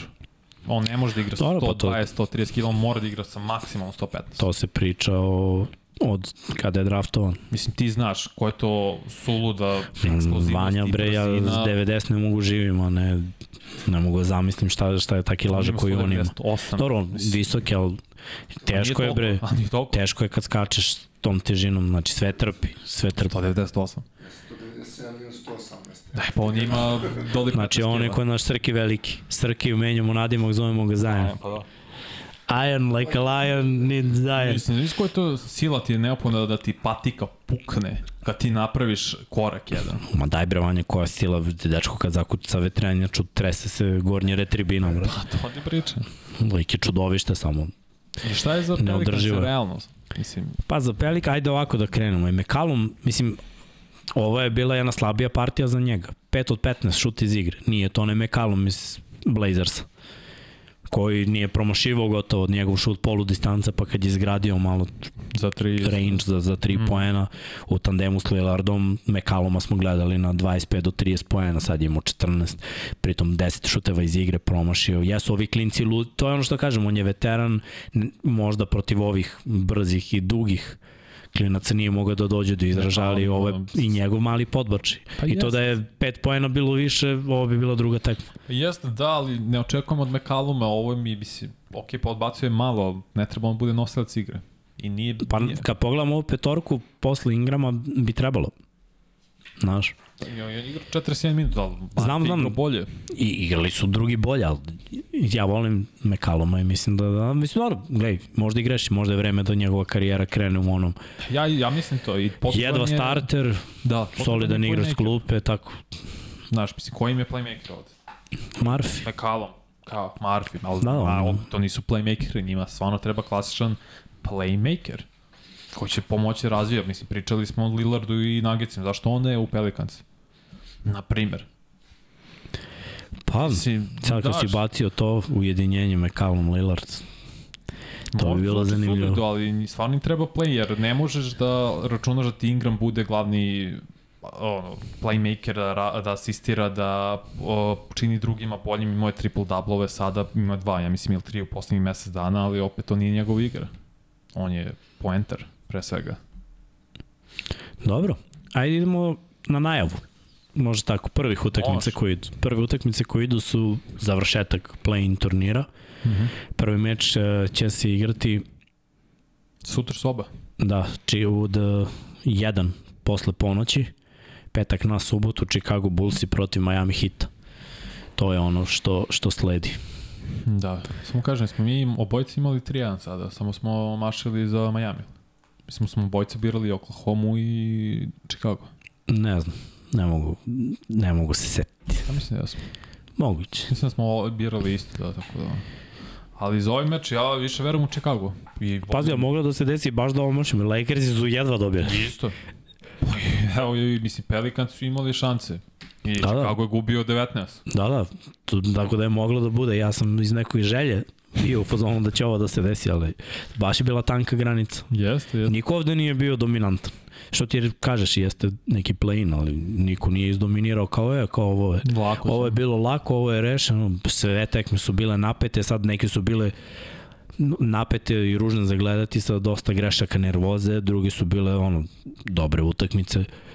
Negde si imao serije u dve utakmice je bilo 15 plus razlike za protivnika. Tako je. Mislim, pa... I to se istopilo. Prvi put da su deseti nosioci, nazovi ih tako, pobedili. Od kad postoji ovaj format, mislim, postoji no. Da. koliko dve, možda tri godine, dve zapravo, ovo je druga godina, tako da. Ali opet Miami, Chicago, ja već stvarno verujem Chicago. Možda je sada ono, sam, što bi rekli, zatvorenik u momentu da, ok, odigrali su sjajno, vratili su u drugom polovremenu, Miami izgledao loše kod kuće, igraće opet kod kuće. Ali neko kad vidim i Lavin i DeRozan i Vučević, sigurnije mi to bolje i su mi opcije u napadu da postignu više poena nego Miami. Šta misliš, da li je odbrana možda ovde bitnija nego napad? Jer Miami nije igrao nikakvu odbranu protiv Atlanta. Pa, Baš su igrali loše defanzivno. Nisu imali mislim da dozvoliš toliko skokova. Pa da, ako si igra Da li Chicago Atlante... može da igra sa tim skok, znaš, da li može na taj način? Ja mislim da Chicago ne može da kopira igru Atlante. Nemaju taj personel. Pa nemoj, ali ima i ono što Atlanta nema. Da ti imaš neko koji Zeklavin ustane i dati 30. DeRozan isto je vrlo sposoban za to, da se ne lažemo. Ako imaš tu dvojicu koja ako ih krene, a ovog je krenulo, može obojicu da krene, da obo, lagano daju po 30 obojica vuče iz dima 15 i 10 kokova, na primjer, imaš tu nešto, neku priču. Da li treba gledati regularni deo sezone? Chicago dobije sve tri. Da li treba gledati regularni deo sezone? Treba, mislim, što da ne? Miami nije uspio da ih pobedi, zato ono, da li u Miami Da li ti Miami deluje da je u nekom dobrom naletu da može ne. nešto da se promeni da bude drugačije nego što je bilo u regularnom delu sezona? Ne, Miami, Chicago izgledaju bolje poslednjih koliko, mesec dana. Vezali su 5-6 pobjeda u gostima čak i dobijali Milwaukee i Boston. Pa i ovo je važna pobjeda protiv Toronto. Srki, može jedna yes. četvorkica da vidimo ovde na sredini stola? Jer tu na sredini. Jeste. A moraš da skloniš... Da, da, Lagar. Toronto protiv Bullsa i odoše Chicago Bulls i dalje. Da, da. E, sada idu na, na Miami. Više verujem Chicago. Baš me razočarao Miami način igre i ne vidim kako možeš da zaustaviš i Lavina i DeRozana. Ok, da Jimmy Butler uzme jednog od njih dvojice, ko će uzeti drugog? Mislim, Vučić... Da li misliš da domaći teren igra ulogu? Ne, kažem ti. Nije, mislim, ni u prvoj, ali Pa nije ni u, prvi, ni, ni u prvom meču protiv Chicago u regularnom delu, izgubili su. to to. Šta ti misliš? Pa ne verujem toliko u Miami zbog, ovog nekog prvo defanzivnog debakla, mm -hmm. tako bih to nazvao, jer stvarno defanzivno ništa nisu radili. Nije Atlanta toliko dominantna ekipa, ali ono što su radili je bilo silovanje. Ti da, da uzmeš 60 nešto skokova, ja ne pamtim, mislim radim dosta utakmica. Ne pamtim kad sam radio utakmicu da je, da je neka ekipa ovako dominirala, kao, kao što su oni. Pritom Kapela je bukvalno samo skako, to mu je bio, bio je Denis Rodman u, u današnje vreme. Bravo. To mu je bio jedini zadatak. Znači bacanje ništa nije radio, bukvalno ništa, lob i skok. To je bio Da, da. jedini njegov zadatak. Ne znam da li će kako može, može da kopira tu igru, ali opet Biće napeto, verujem da, da, da će Miami igrati bolje nego protiv Atlante, da će biti neizvesno, a Chicago sam već video kako lome, lome i prelome na kraju. Pritom nekako i naginjem na njihovu stranu, zbog Vučevića bilo bi mi drago da uđu u, u playoff. Mislim da će im biti jako teško, s obzirom da ulaze kao broj 8 ako pobede i ono što ih čeka, jednu i drugu ekipu, ono što čeka po mom mišljenju 4-1 u najboljem slučaju. Ja bih čak dao Chicago šansu dobiju dve. Mislim, Ne. Miami ne može, ja bih dao Chicago A evo, ovo ću te dve. pitam, ko će čuva Jan, u obe ekipe? Ko će čuva Janisa? Ne znam, odlično pitanje. Niko neće ga čuva, eto. Ne, Zid nema da šans. oformi. Ma kakav zid? Pazi, za ovaj meč Drummond igrao samo 4 minuta protiv Toronto. Mislim da će sad igrati više, baš zbog tog skoka. Jer Miami ima mali tim. Mislim, Adebayo jeste centar, ali Adebayo ima 2.06, možda 7. Što je u suštini ono, 6-10 max.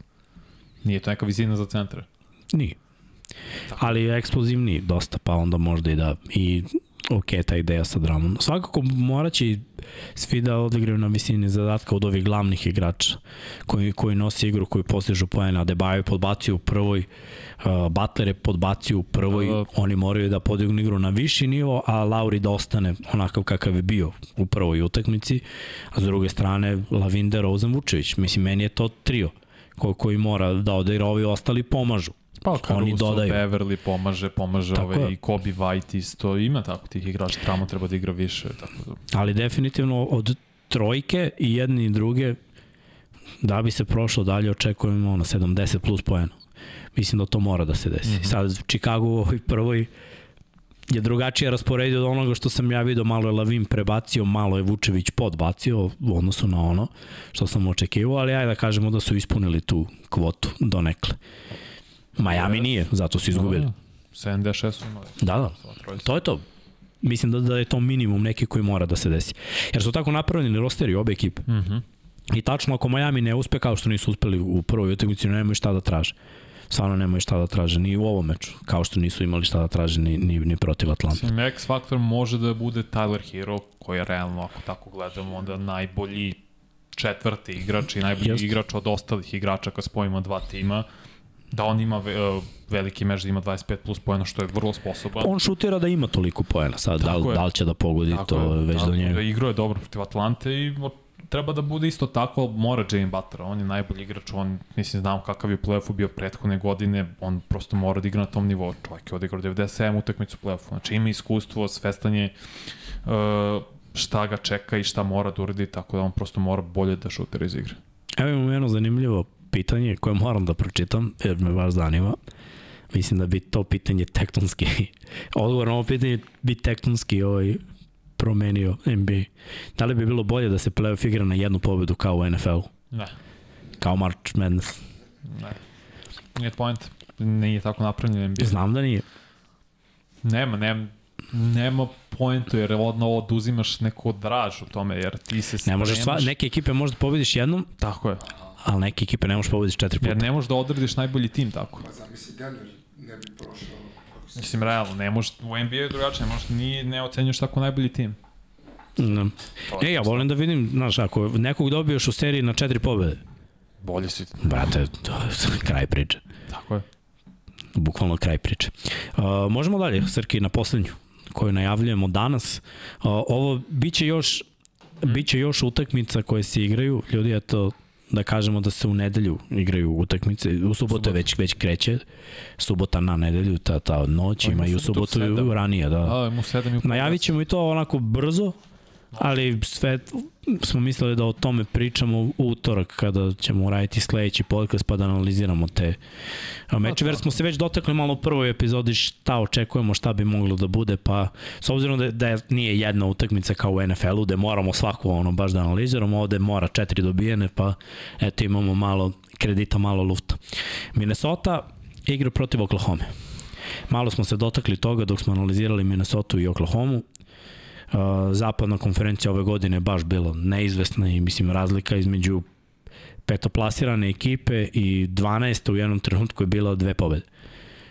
Što samo govori o tome da je svašta moglo da se izdešava, da, da su se neke utakmice odigrale drugačije, da su neki starteri igrali ili mm -hmm. da nisu igrali kao što se i dešavalo. Da li misliš da Minnesota, rekao si već da smatraš da je Oklahoma favoriti, da oni imaju svoj način igre koje mogu da izdominiraju. Da li misliš da bi eventualno Minnesota mogla usporavanjem igre i korišćenjem ovih veterana koje imaju, znači Carl Anthony Towns, Mike Conley, da totalno nekako drugačije pristupe ovoj utakmici kako bi sprečili igru iz tranzicije i to neko divljanje Oklahoma. I da li tu postoji šans?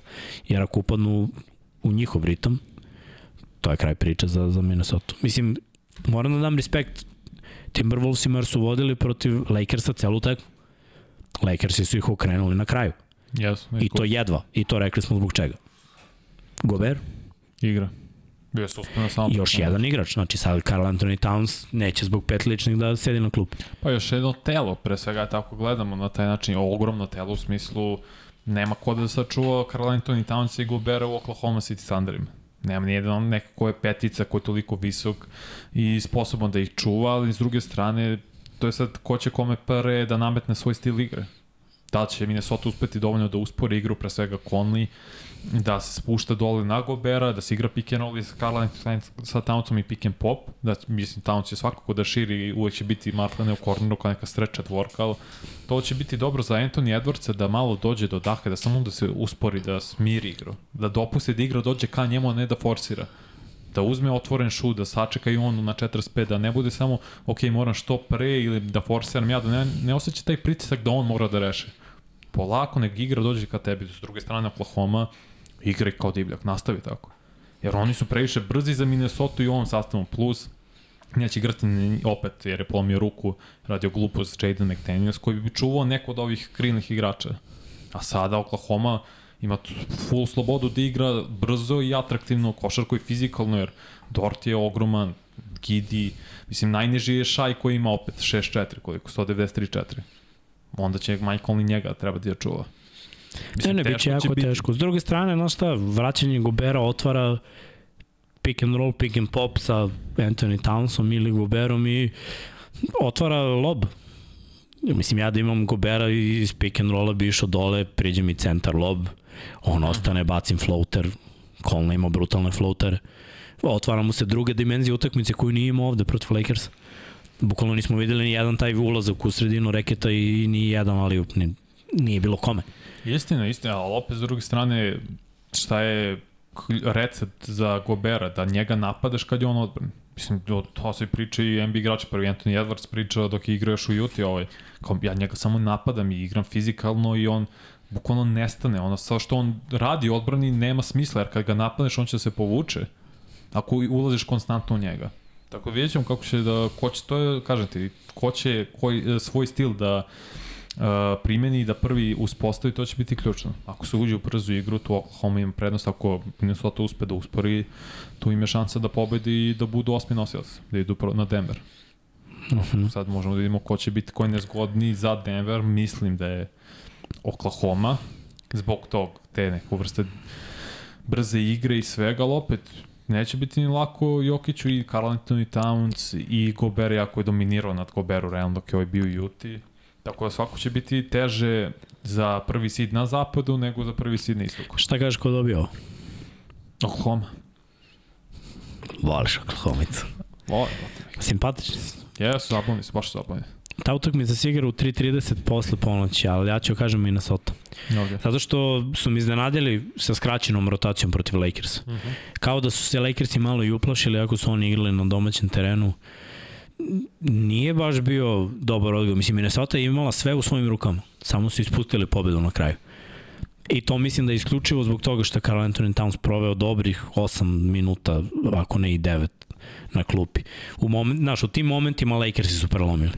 Dok je on sedeo na klupi, a stvarno je dobio peti faul za glupost. To ono nije ne, trebalo da se svira. Iskreno, Da Tako da verujem ako bude bio još jedan centar da će moći bolje da se rasporede minuti za njega i, i da imaju pa da kažemo bolje petorke i lakši način da, da pariraju. Mm -hmm. Ali naravno Oklahoma je nepredvidiva, znaš, s Minnesota znam šta su.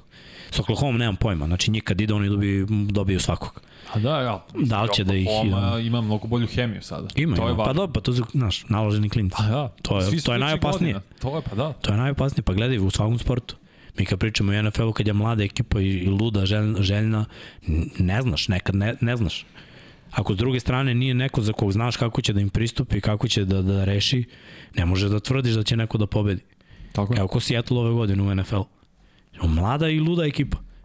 Na primjer. Nepredvidivi. I, I ofanzivno i defanzivno. Mogu, mogu da dobiju svakoga, ali ne mora da znači. E, pa sad kad se spomene NFL, stigla vest, opravo što smo krenuli, što ste rekao da je Dan Snyder, vlasti Commandersa, izgleda prihvatio ponudu To je jedna sad grupa 6 milijardi, dakle Magic Johnson je tu uh, suvlasnik uh, ovih 76ersa, Harris i još jedna osoba, tako da eto. Ušte su ljudi iz NBA u NFL. Ma, Dobro, yes. eto prilika da spojimo i mi malo da, podcaste. Da, da, da. Pratite 99 yardi. 99 yardi polako, ali sigurno razbio ovde rekorde po broju pregleda.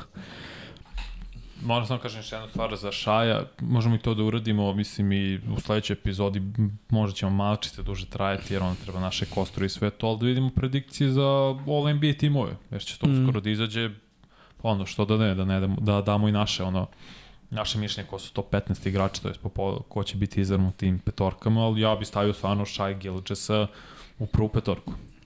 Baš je, stvarno je posebno, nisam očekivao stvarno i sad kad vidim šta je Oklahoma dobila za Paul George, dobili su njega i piko u prvoj rundi, visi, opljačkali su Clippers. Možda misliš sada Shai i Kawhi u tandemu. Da, da, a dobro.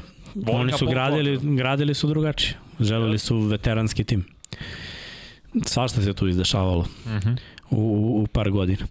Dobro, ajde da kažemo da smo prošli ove utakmice, četiri koje su odigrane, dve smo najavili, to igra noć između petka i subote, znači već sam pomenuo jedan nakon ponoći i 3.30 nakon ponoći, a mi možemo da vidimo uh, to, bravo, više ne možeš ni da kažem šta mi, da bukvalno, a vidi se smo igrali zajedno, da smo nekad bili ca igrači. Ajmo, ajmo da prvo analiziramo ovu s nama bližu stranu u levu, meni, stvari, S koje, ne znam šta je... Gde je zapad, zapad aha. gde je zapad, gde sad već znamo da nam je okrše druge i sedme ekipe Memphis, LA, to smo već pomenuli, a prve utakmice koje će se igrati biće u subotu, sad ću ja tačno da kažem. Mislim da su da je u prvi meč Philadelphia i Neci u sedam. A Boston mislim da igra u pola deset protiv ovih Atlante. Ispravim sam, mislim da je tako, da isto kao prvi započenje ima te prve termine. Pa taj istok uvek se ide od istoka. Šta kažu? Kaže ovako. Yes. Brooklyn protiv Filadelfije 7 p.m. njihovih, znači to je 1 ujutru. Ne, ne, ne, 7 p.m. naših. Naših, a? Da, znači, uh. je... Da, da, da, jest. Jest, da, ESPN da, da. gleda. Konvertira se. Super. Da, to je top. Odličan termin. Super za, za vikend, Brooklyn, Fila. Ajde, možemo malo o tome. O seriji ili o meču? Pa o meču. Pa iskreno četiri. Prvi meč. Mm -hmm. Prvi meč, Brooklyn je u nekom dobrom naletu, to da kažemo. Pa, Brooklyn...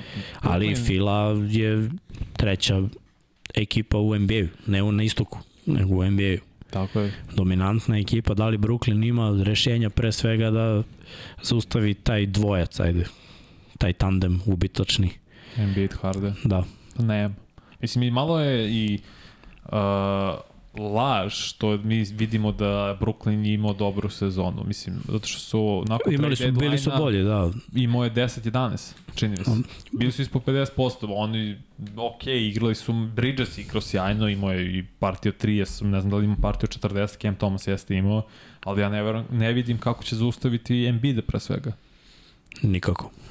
I to je ključ, mislim, stvarno očekujem baš dominaciju Filadelfije i na taj način da steknu samopouzdanje neko koji im je neophodno za narednu rudnu, koja će, rundu koja će biti vrlo vratno protiv Bostona.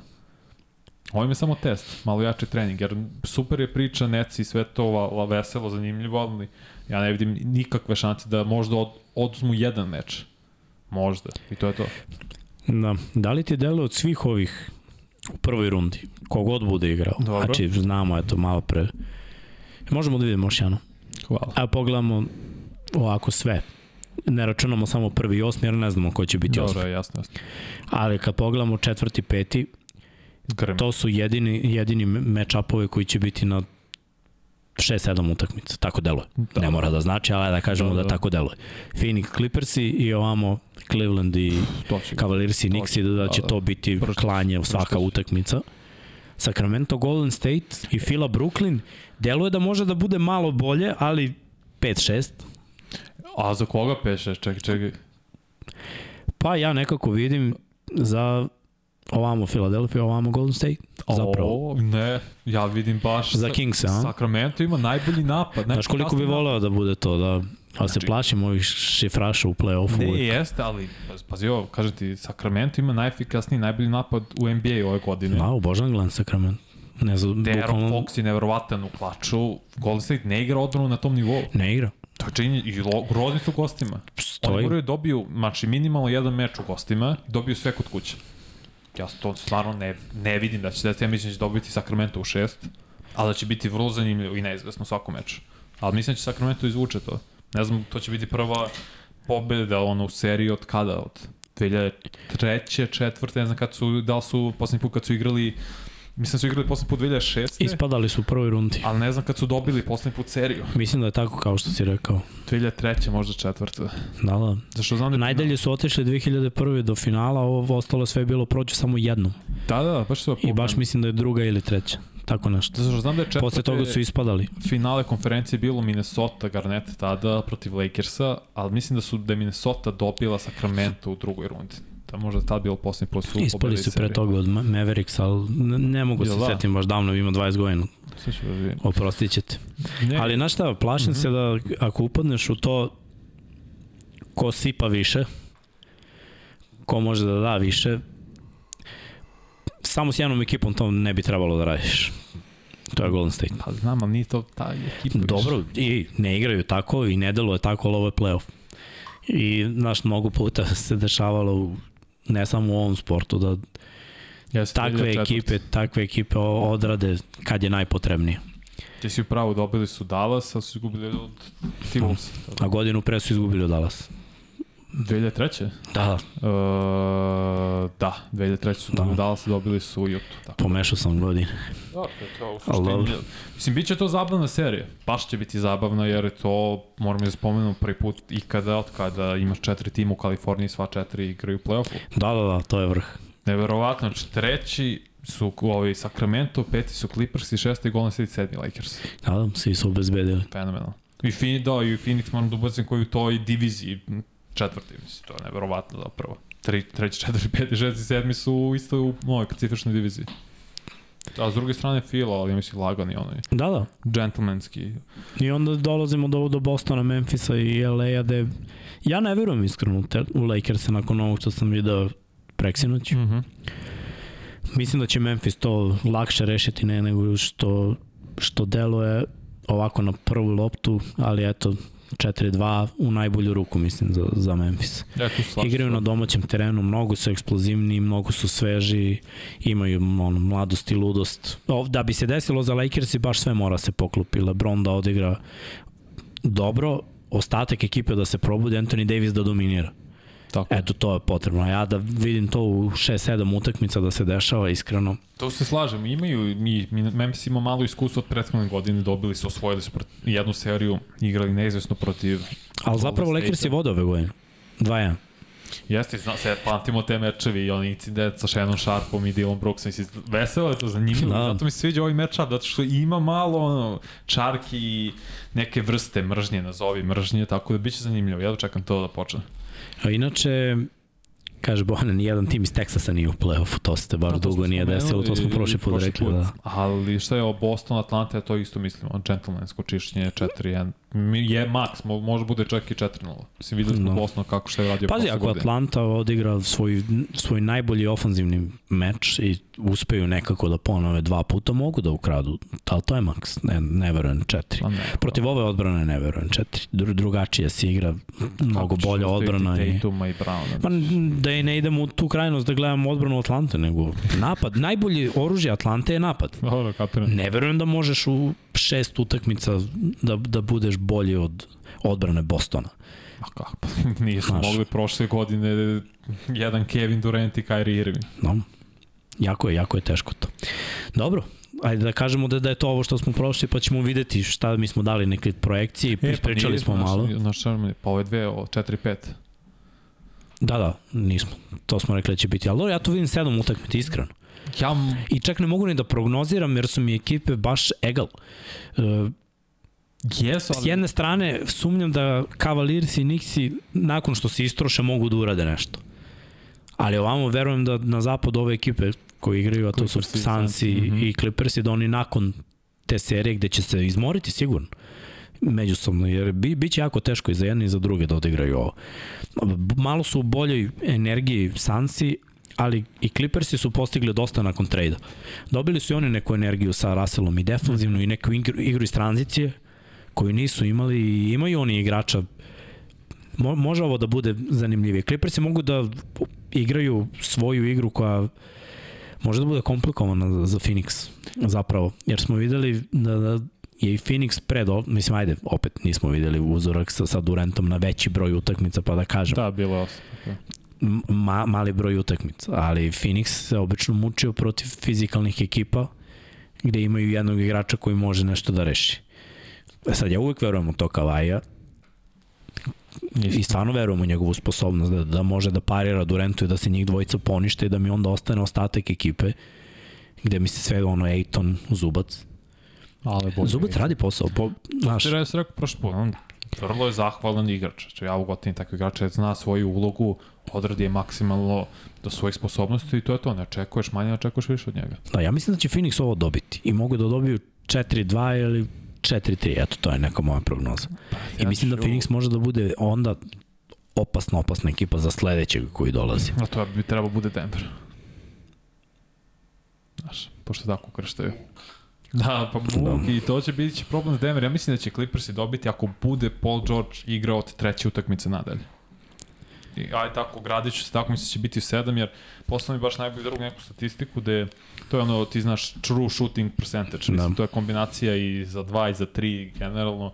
Kawhi Leonard ima najveći skok između regularne sezone i play-off Ne, ne, Kavaj je šifra. On je mašina. Tako nivo igra da je to neverovatno, ali zavisit će ako bude Paul George igrao. Ako on bude igrao, kaže, od treće nadalje, ja mislim da će Clippers u sedam. A s druge strane, jedva čekam Knicks i Cavaliersi.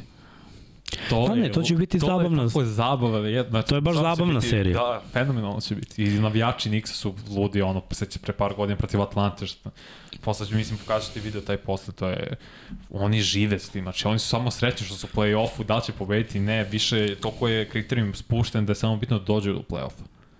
Tako bi tu, ali tu isto dajem prednost Clevelandu u 7. Tako da Cleveland 4-3 i Clippers je 4-3 za te dve. Dobro. Ali vidjet ćemo još. Ima, ima još vremena da odlučimo sledeće. Ajmo još jednu sliku da vidimo, Srki. Evo još jednu. Neka bude. Do, do, dobra slika, pa neka bude. Ovaj, Vanja, pitanje za tebe. Slušaj. Odgovorit ću ja. Ko više leži Denveru? Mm, Ja mislim da Milwaukee je sve jedno. Milwaukee isto sve. A? Pa ja mislim da Misliš da im je ono? To je metlica i ćao. Pa ne, ne verujem da će biti. Kažem, mislim da Chicago može dve maks utakmice i to je to. Da bude malo, malo teže. Da, ali Denveru, ne znam, ja mislim da će biti teže protiv Oklahoma, baš zato što su mladi, eksplozivni, Mladi, nepredvidivi. Znaš, s druge strane ti znaš šta imaš od Minnesota. Mada Ključno baš se vode bitke protiv Minnesota godinama unazad. Ja se sećam pre još dok smo radili na sport klubu NBA da je to bilo bukvalno za playoff ko će. U, Da li Denver ili Minnesota, ono. Igrao i dalje, da? Bilo je, bilo je, rivalstvo se neko stvorilo. Pa dobro, i možda i Karl Anthony Towns osjeća onu potrebu da kao da on nije više u toj konverzaciji najboljeg centra, nego je samo realno Jokić i Embiid, da on je tu kao neki treći, ajde da kažemo, koji se često ni ne spominje, No. da oseti neku potrebu da se dokaže više, ali bit će ključ, ako Minnesota prođe igra Anthony Edwardsa. Ako on proigra napokon, onda će biti zanimljivo. I svako ko, kogod bude bio, bit će teže za Denver nego za Milwaukee. Tako, neko, tako mi je utisak. Dobro. Sviđa mi se, sviđa mi se. Zahuktava se polako, krenuo je play-in, završava se, znači za jedan dan, posle toga krećemo s play-offom i već smo najavili te neke prve utakmice, evo ja ću da nastavim dalje da pričam šta će da se igra. Znači, prvo Brooklyn Fila, subota u 7, pa Atlanta Boston, subota u 21 i 30. I onda u nedelju, to jest ovo bi trebalo da bude zapravo izme, u Subota noći na između nedelju. subote na nedelju, pošto je tačno 12. Da, da, subotno je.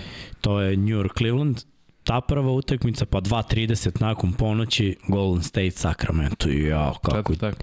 Da, da, da.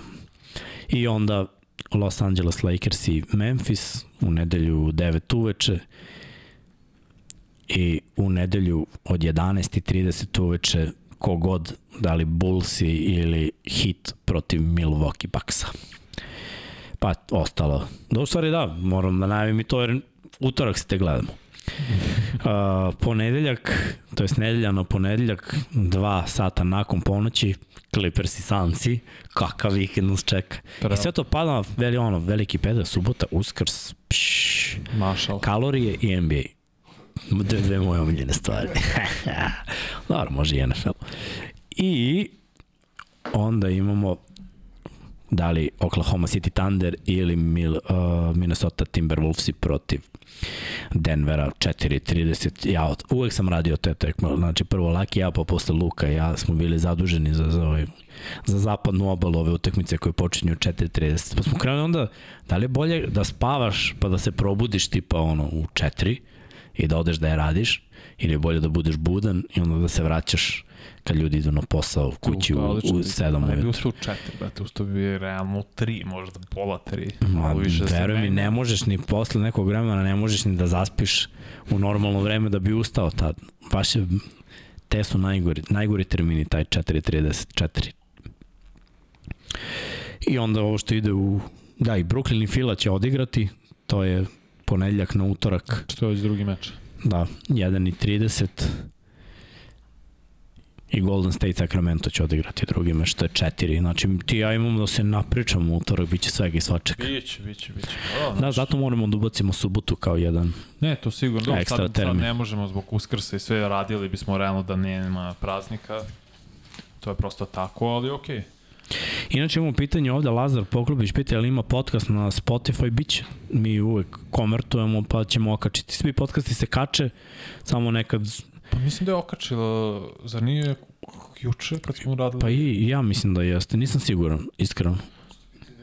pa Uh, da, možemo, Tamo. Srki, vi, Srki tu odmah vodi. Da, da, da. spremio hemijsku, brat. Da, da.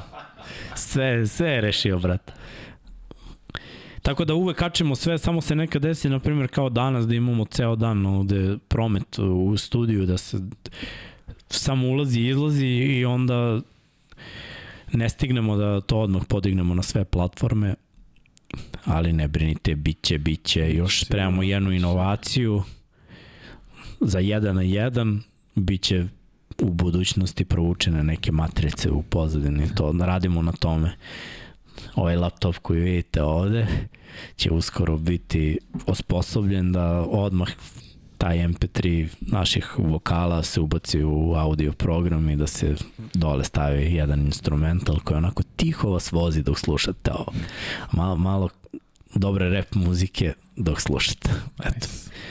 Da ne bude ono kao monotono. Pa ćete nam onda reći da vam se sviđa ili ne. Da, Da, da, znamo. želite možda. ili, ili, Da, želite samo vokale ili, ili da bude malo Ja. instrumentala preko. Daj, daj, cepaj sa pitanje odgovor tamo, još. Evo ja sam spreman, nego pitanja nema. A, da, da. Kada će biti jedan na jedan basket uživo, da bude lepše vreme i izaći ćemo. u junu. Izaći ćemo, nije problem. Vikendi koji nastupaju će biti naši. Mislim, ono, Vanja i ne igra nešto u poslednje vreme, ja kao nedeljom bar igram u biznis ligu, pa kao, ajde.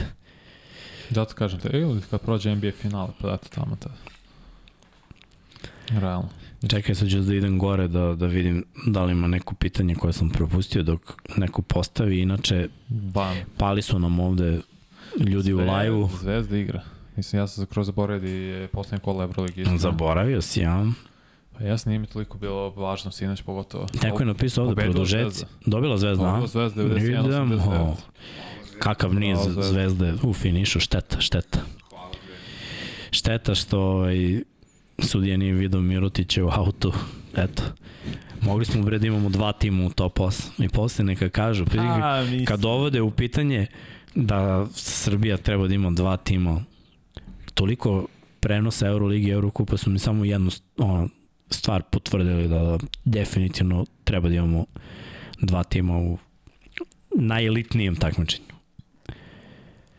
Dobro, mislim, Zvezda će vršiti u top 10, trebalo bi.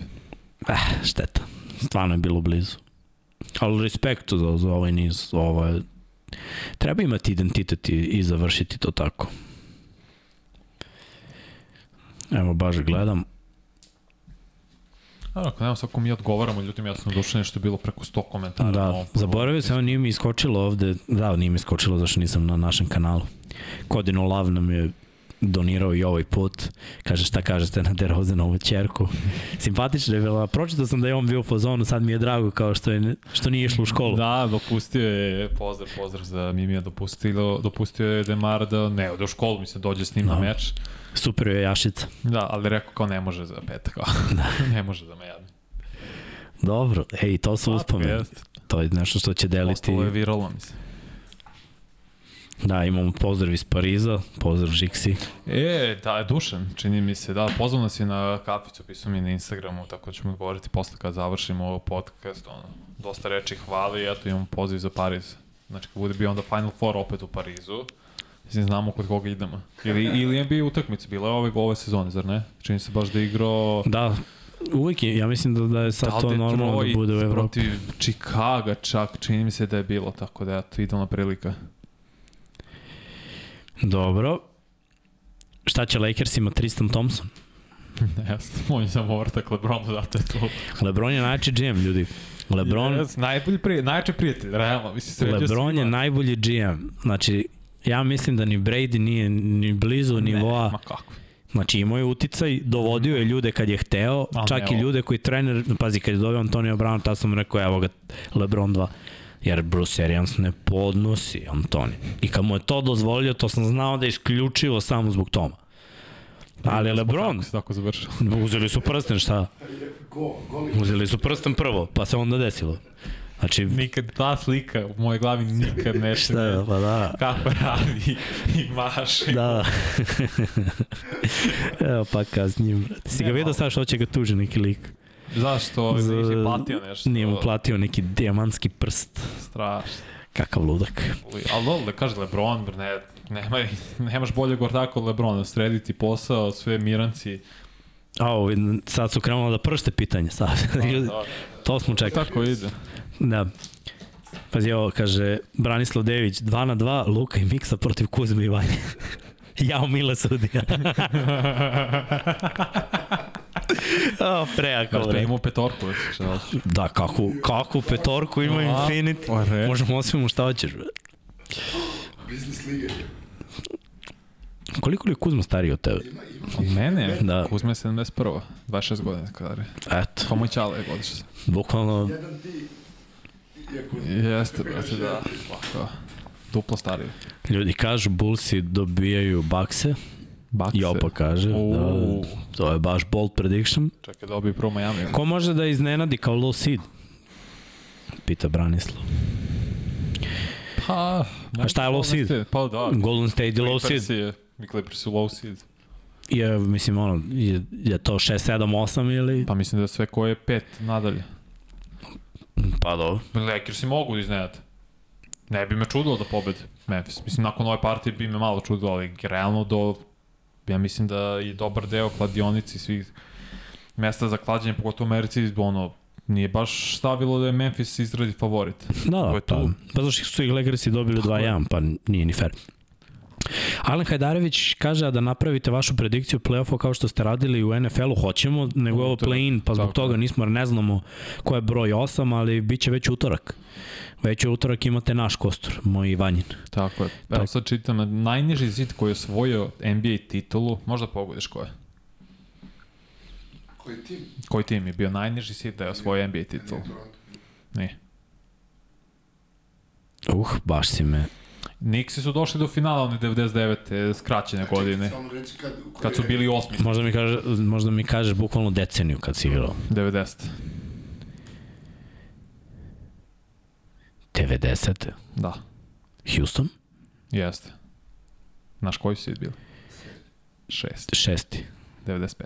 Da, znam, oni su bili neodbranjivi u play-offu zapravo, tu, tu su eksplodirali, ali... Oni su, uh, sve što kažem, 95. Ja, 95. 2001. 9. i 8. Jedini put kad su timovi, znači to su bili tad Houston Rockets i Lakersi od naredne tri godine, da su sve četiri runde igrali protiv timova koji imaju 50 ili više pobjede. Svi sem Lakersi iz 2008. su pobedili timove, znači to je suludo da igraš protiv tima koji jednostavno ima 50 pobjeda. Vidimo sad koliko je to teško, sad zamisli da svaku rundu igraš protiv takvog Da. tima. Pa ovo što je sad na zapadu je bilo 40 pobjeda i puna, mm. -hmm. puna kap. Uh, da vidimo dalje, Niko neće boriti. predlažem da dodate goste, taman kad završe sezonu, možete Dončića, Stefa Lebrona. Probat ćemo Vladane, da ga iscimamo. Evo, probat ćemo, daćemo se od sebe. Bogdana da iscimamo. Tu smo. Na poruke. iscimamo Jedno, pi, uh, jedno Može. pitanje za obojicu, da li vam se više sviđaju igrači kao Durant, meka ruka, polu distance ili fizika kao Janis? Pa ja volim, ja volim jedno i drugo, iskreno. I cenim što su igrači drugačiji. I to je u stvari ta lepota, da vidiš da dominacija može biti uspostavljena na različite načine. E, to je u stvari. I, i da možeš da budeš brutalan atleta, da atleticizmom rešavaš i da možeš da budeš finesa. E sad za oko, šta je lepše, to je Stvar ukus. To je, do, da, to je bukvalno stvar ukusa. Tu, tu je i nazvahvalno. Ja volim, uvek sam volao nekoga ko kuca kod divlja i uvek sam volao mekane šutere, tako da Pa nemam pojma, ja sam uvijek otivio te veštije igrače, generalno, mislim, tako se ja neko i gledam na košarku i zato i često kažem da je po meni Kobe najveštiji, najopstanj tim, najbolji igrač. Nema možda fizičke predispozicije kao Jordan i LeBron, je da ih nema, da se razumemo. Ali opet Janisova priča kako je uspeo taj surov rad, zato i poštujem Dorta, koji nema taj talent, ali, brate, daje stalno sve od sebe, kao Janis. Nikad ne mogu kažem za, za Janisa da nije dao sve od sebe, ali to mogu kažem za Anthony Davisa koji je malo malo pa ono ne, ne znam, ne igra mi se, nije moj dan ili taj fazon. To ja imam problem s tim, jer Garnett isto koji je ultra talentovan, ali je još više ono davao sebe stalno, čteo da umre na terenu. da, da. A talentovan, ono, vrhunski, vrhunski talent, pogotovo za poziciju 4 i gledao sam baš highlight i stavio to na društvene mreže protiv Lakersa 2003. kad imao 35, 20 skokova. To je šut za 3 bio, iz distance, iz driblinga, ulaza, kucavanje, sve. Znači, prelepo kad vidiš kombinaciju svega toga. Jeste, da, pa najlepa, pa to je za, odmah najbolji da. Ajde kad smo već tu, kod svega, da li vam je Lebron top 5 ikada srušio mnogi rekorde, ali mi je uvek falila neka dopadljivost, više mi je kao mašina, kaže Bojan. A, top 2 je LeBron, najvećih igrača. Mislim, Jordan, pa on je po meni. Mislim, sad si pričao o tome kad neko ima, mislim, izgradio je šut i za 3 Jeste. poena. Jeste, i tehnika, mislim, ljudi, ja ne znam da li on igrao, ali mislim da jeste dijamantsku ligu za Ameriku neke godine, ne znam ko je, kad je bilo kod nas. Da vi, sedao sam tad relativno blizu, vi čujete kako se parket, mislim, kad, kako to odzvanja kad on... Koliko ima Lebron? dribla. 270 libri. Pa da, Da. ima 120 kila. Na, na 203, 4 možda. Možda malo. Znaš šta, ja kad sam vidio Gronka pored njega i skapirao da je Gronk mali, onda sam skapirao koliko je Lebron veliki. Ne, ne možeš veriš koja je to sila koja on tapka loptu. Pa kako ne mogu, pa- To je suludo. Ljudi, ne možeš ga zaustaviš. Sad u 20. godinu može svakog da probije zato što je ogroman. Vidim ja da će ovde se igrati ja protiv Kuzmi Luk ili nas četvorica pa da se delimo. Imamo već tri, tri komentara ovde da ljudi to žele. Pozdrav iz Moskve, može brzinski tipovanje play-offa do kraja, pita Vladimir Pejović. Vladimire, bukvalno utorak dobijaš to u sledeće, u epizodi broj 3. Tako da nema potrebe to da radimo brzinski, nego ćemo da obrazložimo malo. Mislim, otprilike smo nešto i rekli sada koga vidimo kao favorite, ali imat ćemo kostur, tako da može da se vidi ko je bio gde, ko je pogodio, ko nije, kao što smo radili i za NFL u ostalom. Uh, šta se dešava sa Dallasom, pošto je neverovatno da Luka i Kyrie ne igraju playoff? Pa Hemija, nedostatak hemije. i to, ali i nedostatak dobre ekipe i Jeste, odbrame. Mislim, tako je. I, I na kraju ono odustajanje, mislim, Nije ni do Luke, Svega ni do je bilo. Kairije, znaš, to su maltene isti igrači samo u različitim telima. Luka je legitimno 2 metra, Kairi možda ima metar 90, realno mislim ima metar 88, ali to je isti igrač u suštini. Obojici treba lopta stalno, obojici stvaraju za sebe konstantno, ovaj Kairi je bolji šuter od Luke, to je očigledno, ovaj bolje razigrava, ali su maltene isti igrači. I teško je, znaš, kad imaš vrlo slične igrače da uklupiš da sve u jedan sistem, a nemaš realno igrače koji treba da igraju samo odbranu i da čekaju šut. To, to treba Dallasu. dobro. Kaže, da li planirate da kačete podcaste na Apple Podcast? Na sve to ide. Biće. To treba da. Ide ili već, ili Ne ćemo ja. da stavimo? Pa da treba da Pa ne, je inače išlo ako je išlo. Jeste, Inače, išlo onda, je kad staviš na tranzistor, ide na sve. Pa da, trebalo bi da ide Kad na sve. stavim, će stavimo, nema Da, te trebalo bi da brige. ide na iTunes, Spotify, Google Podcast, To, šta to. već ima, Deezer i taj fazon. El Mesija kaže, niko nikada nije radio kao Jordan i blizu, slažem se, mislim, to je... Kobe, bro, radio više. Brate. Nisam siguran, manja. Ja, Nisam se, ja Kobe je razumem bio konstantni jer nije imao te pauze i sve to. Ali ovaj isto, Ne. gledaj, čim Tiki. se on ugledao na, na njega, znam, Ne, ne, To je jeste, to. ja kažem da je on i Kobe Karao od Jordana, od Hakima i sve te, on je samo doveo to do jednog savršenstva. Meni, za mene je to vrhunac košarkaške sposobnosti. ma obožavam ih obojicu. Ne, ja, meni kaže, tik je razlika, nije ovo jedan bolji od uh, drugog bol, mnogo ili ne, to je baš tik razlike. Meni je ovaj bolji, malo i duži imao, mm, kako to bolje da kažem zapravo, range mu je bio veći. Mada nije bilo potrebno da se šutiraju trojke u 90-im. Da, da, ali je pogađao kada je treba. Pa da, meni, pa da, i za mene Bryant. Mislim, Zna se, ja volim, kažem, za mene je Kobe pa Michael, a Michael je veći igrač, više je osvojio više titulu, više MVP-eva ima. Dobro. Imamo dobro pitanje ovde. Pre prognoza za All NBA, najbolja petorka od 2000-ih na ovamo, kaže Marko Mitić. Od 2000-ih. Da. Uzorak od 20 Dve godine. da staviš Dobro. petorku. Steph, Kobe, LeBron. Ćemo Durant. različite petorke da bude zanimljivije. Pa dobro, ajde. Rokni ti tvoju, pa ću ja da dam drugu koja će da igra protiv tvoje. I onda odigramo NBA sa tim petorkama. Ok. Steph, Sony je tu. jel može? Imam ja. Dobro. Kobe, LeBron, Durant i Shaq. To mi je petorka. Bahata ti je petorka. Yes.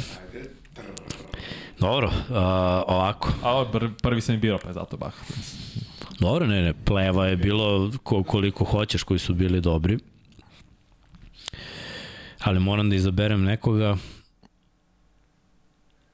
ko nužno ne mora da poentira, ali da distribuira loptu, a može da poentira. Chris. Tako, ne, ne, ne, moj će biti Jason Kidd, Dobro. play. Na dvojku ću da stavim na dvoj, uh, koliko je težak izbor za dva, ali bit će Wade, bit će Wade. Treba mi igra iz tranzicije i klač moment koji on ima. Trojčica. Uh, kako parirati ovoj vanjanoj ekipi. Mo stavit ću stavit ću mašinu Kavaja na trojku. Moja ekipa će da bude ra- razbijačka ekipa koja baca lobove. Već vidim. Tebi je Durant 4. Da. Janis. A ko ne može da ga čuje, ja ne znam ko može, sada vidimo ko će, ko će da parira šeku, to je stvari najteže, ili da napravim, ma da, ili da napravim neki, Pa dobro, imaš Dankana, Garnet, mislim, da, da, Duncan bilo je, ima igrače, se razumijem, koji su davali evropsko. Gledaj, ali niko nije čuo šeka nikad. da, Pritom mora da nađeš nekoga Da, vidiš šta kaže Marko, mogli ste da birate na izmenič. Nema veze, to ćemo uz igricu. Da, mogli su da. Da, da. E, ja. Znaš kako, probat ću da izločim Šeka s polja, jer Janisu i ovako treba da ulazi u reket Mhm. i da kuca, ako Šek ostane unutra i izbaci pas polja, zapravo ću izabrati igrača koji mi nije top 50, ali najbolji šuterski centar po mom mišljenju je Carl Anthony Towns. Jeste, najbolji šuterski centar. Je on pobedio Jeste. trojkama? Jedini. Ja, ljudi Da. kad krenu, a Jokić, a ovaj, a onaj. Pa nije, mi- gledaj, ako bi stavio Jokića, izbacio bi Jasona Kida. I odmah mi dodao još jednog šutera. Da, da. Izbacio, dodao bi, ovako, izbacio bi Jasona Kida, stavio bi Jokića da bude centar play i onda bi dodao Kleja. Znači neko ko će sipa, ili Realane, ko će sipa trojke na asistenciju Da, da, da. Jokića. Eto, Ko je Eros bio 2000-te do danas? ma Da, da. da, pa 20. Mislim, ima, ne kažem, šta hoćeš? vrhom, mislim, imaš James Harden i još niko nije stavio. Ono, ima igrača, stvarno, Steve Nash isto bio MVP čovjek. Pa puta, ima, ima. Teško je. A mo, to je dobra ideja da igramo dva kada. Ma da bre, imamo igricu. Uh, dobro, imamo ovde, bližimo se kraju ljudi, na nama je koncept da trajamo malo kraće, a i kažem, Luka i Kuzma će biti, da god ajde još jedno 5 minuta pa da privodimo kraju. Imamo ovde uh, Branislav, ne ne, jeste Branislav Dević, kaže miksa kratko o OBJ-u. Branislav je jedno iznenađenje za tebe, a to je da smo mi juče već snimili 99 yardi, jednu kratku uh, uskršnju epizodu, prazničnu, koja će biti emitovana sutra. Tako da, eto, tu ćeš moći da čuješ i moje i Vanjano i Srđanovo mišljenje o delu Beckhamu, to je onako bio fokus emisije, pa smo malo se još dotakli nekih aktualnih tema, sve to kao priprema za ovaj draft koji ćemo malo jače analizirati onog tamo petka.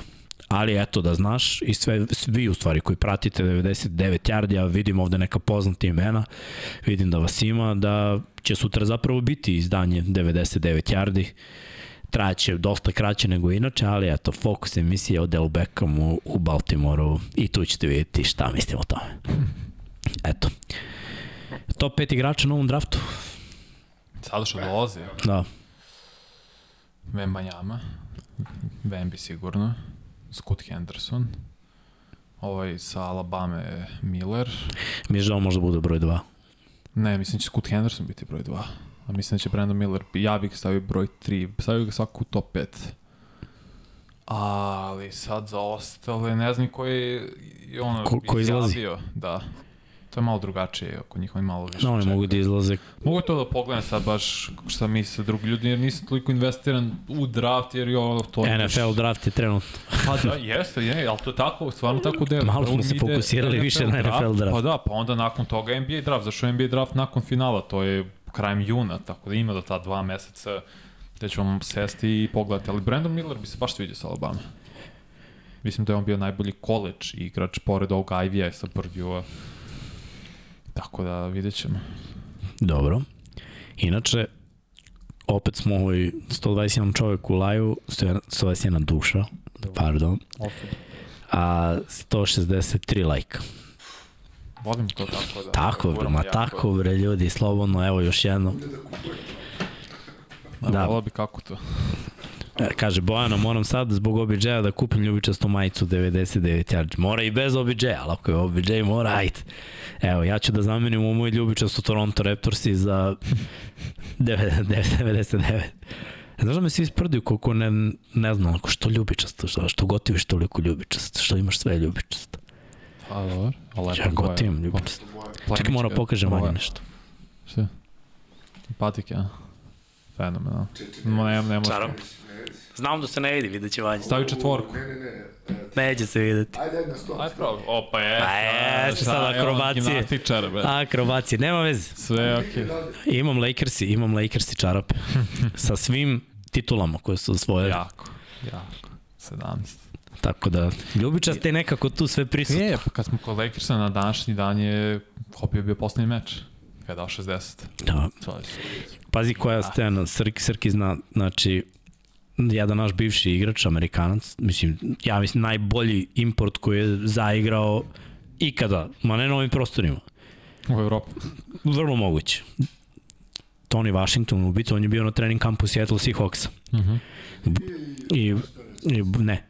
I tu se ovaj, zeznu jer kad je prošao draft i kad nije bio draftovan, Burazer uđe u teretanu i razbije se od nogu, leg day kao prvi dan i oni ga naknadno zovu da dođe na trening kamp.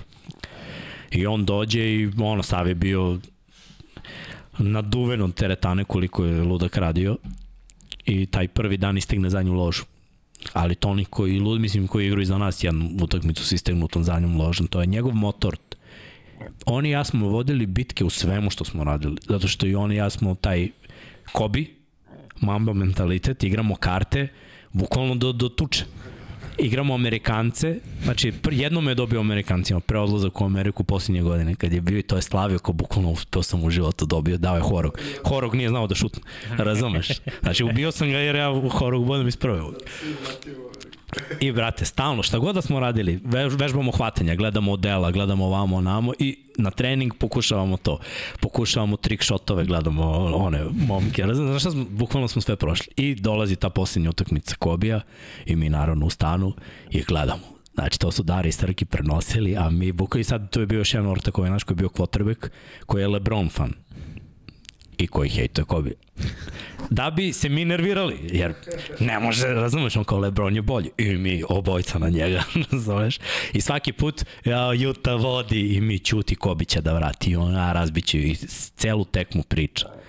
I samo Kobe kreće seriju. Bam. I mi, ja ne znam da li sam više slavio pogodke Kobija, razumeš kojih je bilo i bilo i bilo, ili je veća draž bilo njemu da nabijem nos, razumeš da je Kobe najbolji i da mi kraj priča. Tako da je ta poslednja utakmica. A ja sam radio sa Novakovićem kada je dres njegov povučen. Mm -hmm. To je bila utakmica. Eto. I, I radio sam pro bol kada je Kobe poginuo. Da. I to je bukvalno poginuo dva minuta pre pro bola, gde, gde samo nisam mogu bre progovorim. Prvih pet minuta mi je bilo u šoku, nisam uopšte skapirao da, da je moguće da se to desi. Onda kad sam shvatio i kad je krenula tekma pro bol i kad je krenulo ono min, minut tišine i sve, onda sam skapirao. Šta znači, sestra, misli starija sestra meni koja pušta poruku kao pošto zna, mm -hmm. cela soba je bila u posterima, razumeš, evo ga dres iza Čekaj, stvari, gde treba se mrdnu? Gde je tvoje deset, tvoje deset? Ovako, a? Tvoje deset, tvoje deset. To je, to je, to je, kobara, bro. Nema šta, hvat, vidiš. Tako da, ono, ba, ba, to mi je baš bio smor, veliki mm. smor. Eto, do dan danas. Ne, ne prežaljeno. Greo se, greo se, baš. Ništa ovaj, ajde sad s ovim, kako smo uborili energiju. Daj neko pitanje i da. poslednje za spodignuti. Nema pitanja, to je to, da, to je to. O, to, je to. to je to, završavamo. Ljudi, hvala, hvala što ste ispratili ovo, pišite komentare, već ste videli da odgovaramo na sve. Uh, tako da sve što vam se sviđa, sve što vam se ne sviđa, slobodno recite da možemo da promenimo, da uradimo. Biće svega još u planu, za sada nam je samo bio fokus, ajde da počnemo. Video sam da ste pisali i o tome kako vam se sviđa i naša diskusija i analiza i grafike i špica i logo, nekima se sviđa, nekima se ne sviđa, ali ovaj biće polako, rastemo, rastemo polako. Ovo je bila druga epizoda. Vanja, imaš nešto da dodaš? Ne, fenomenalno. Drago mi što smo počeli, stvarno sviđa mi se dinamika i sve to, ono, volim što imamo drugačije mišljenja, što se malo nazovi raspravljamo oko, oko toga, tako je meni ovo top, iskreno. Da se, da se ljudi, da se vama sviđa, sviđa i udarite obavezno like i subscribe i komentarišite i miksa pre svega odgovore, ja sam počeo, tako da ono, Biće sve bolje i sve veće. Tako je. I još jednom da vas pozovem, znači, subscribe-ujte se na naš kanal, nama to znači hoćemo da rastemo, onda ne samo da raste ovaj podcast, nego i Lab 76, takođe 99 yardi, sve što se snima na ovom kanalu pod kapicom.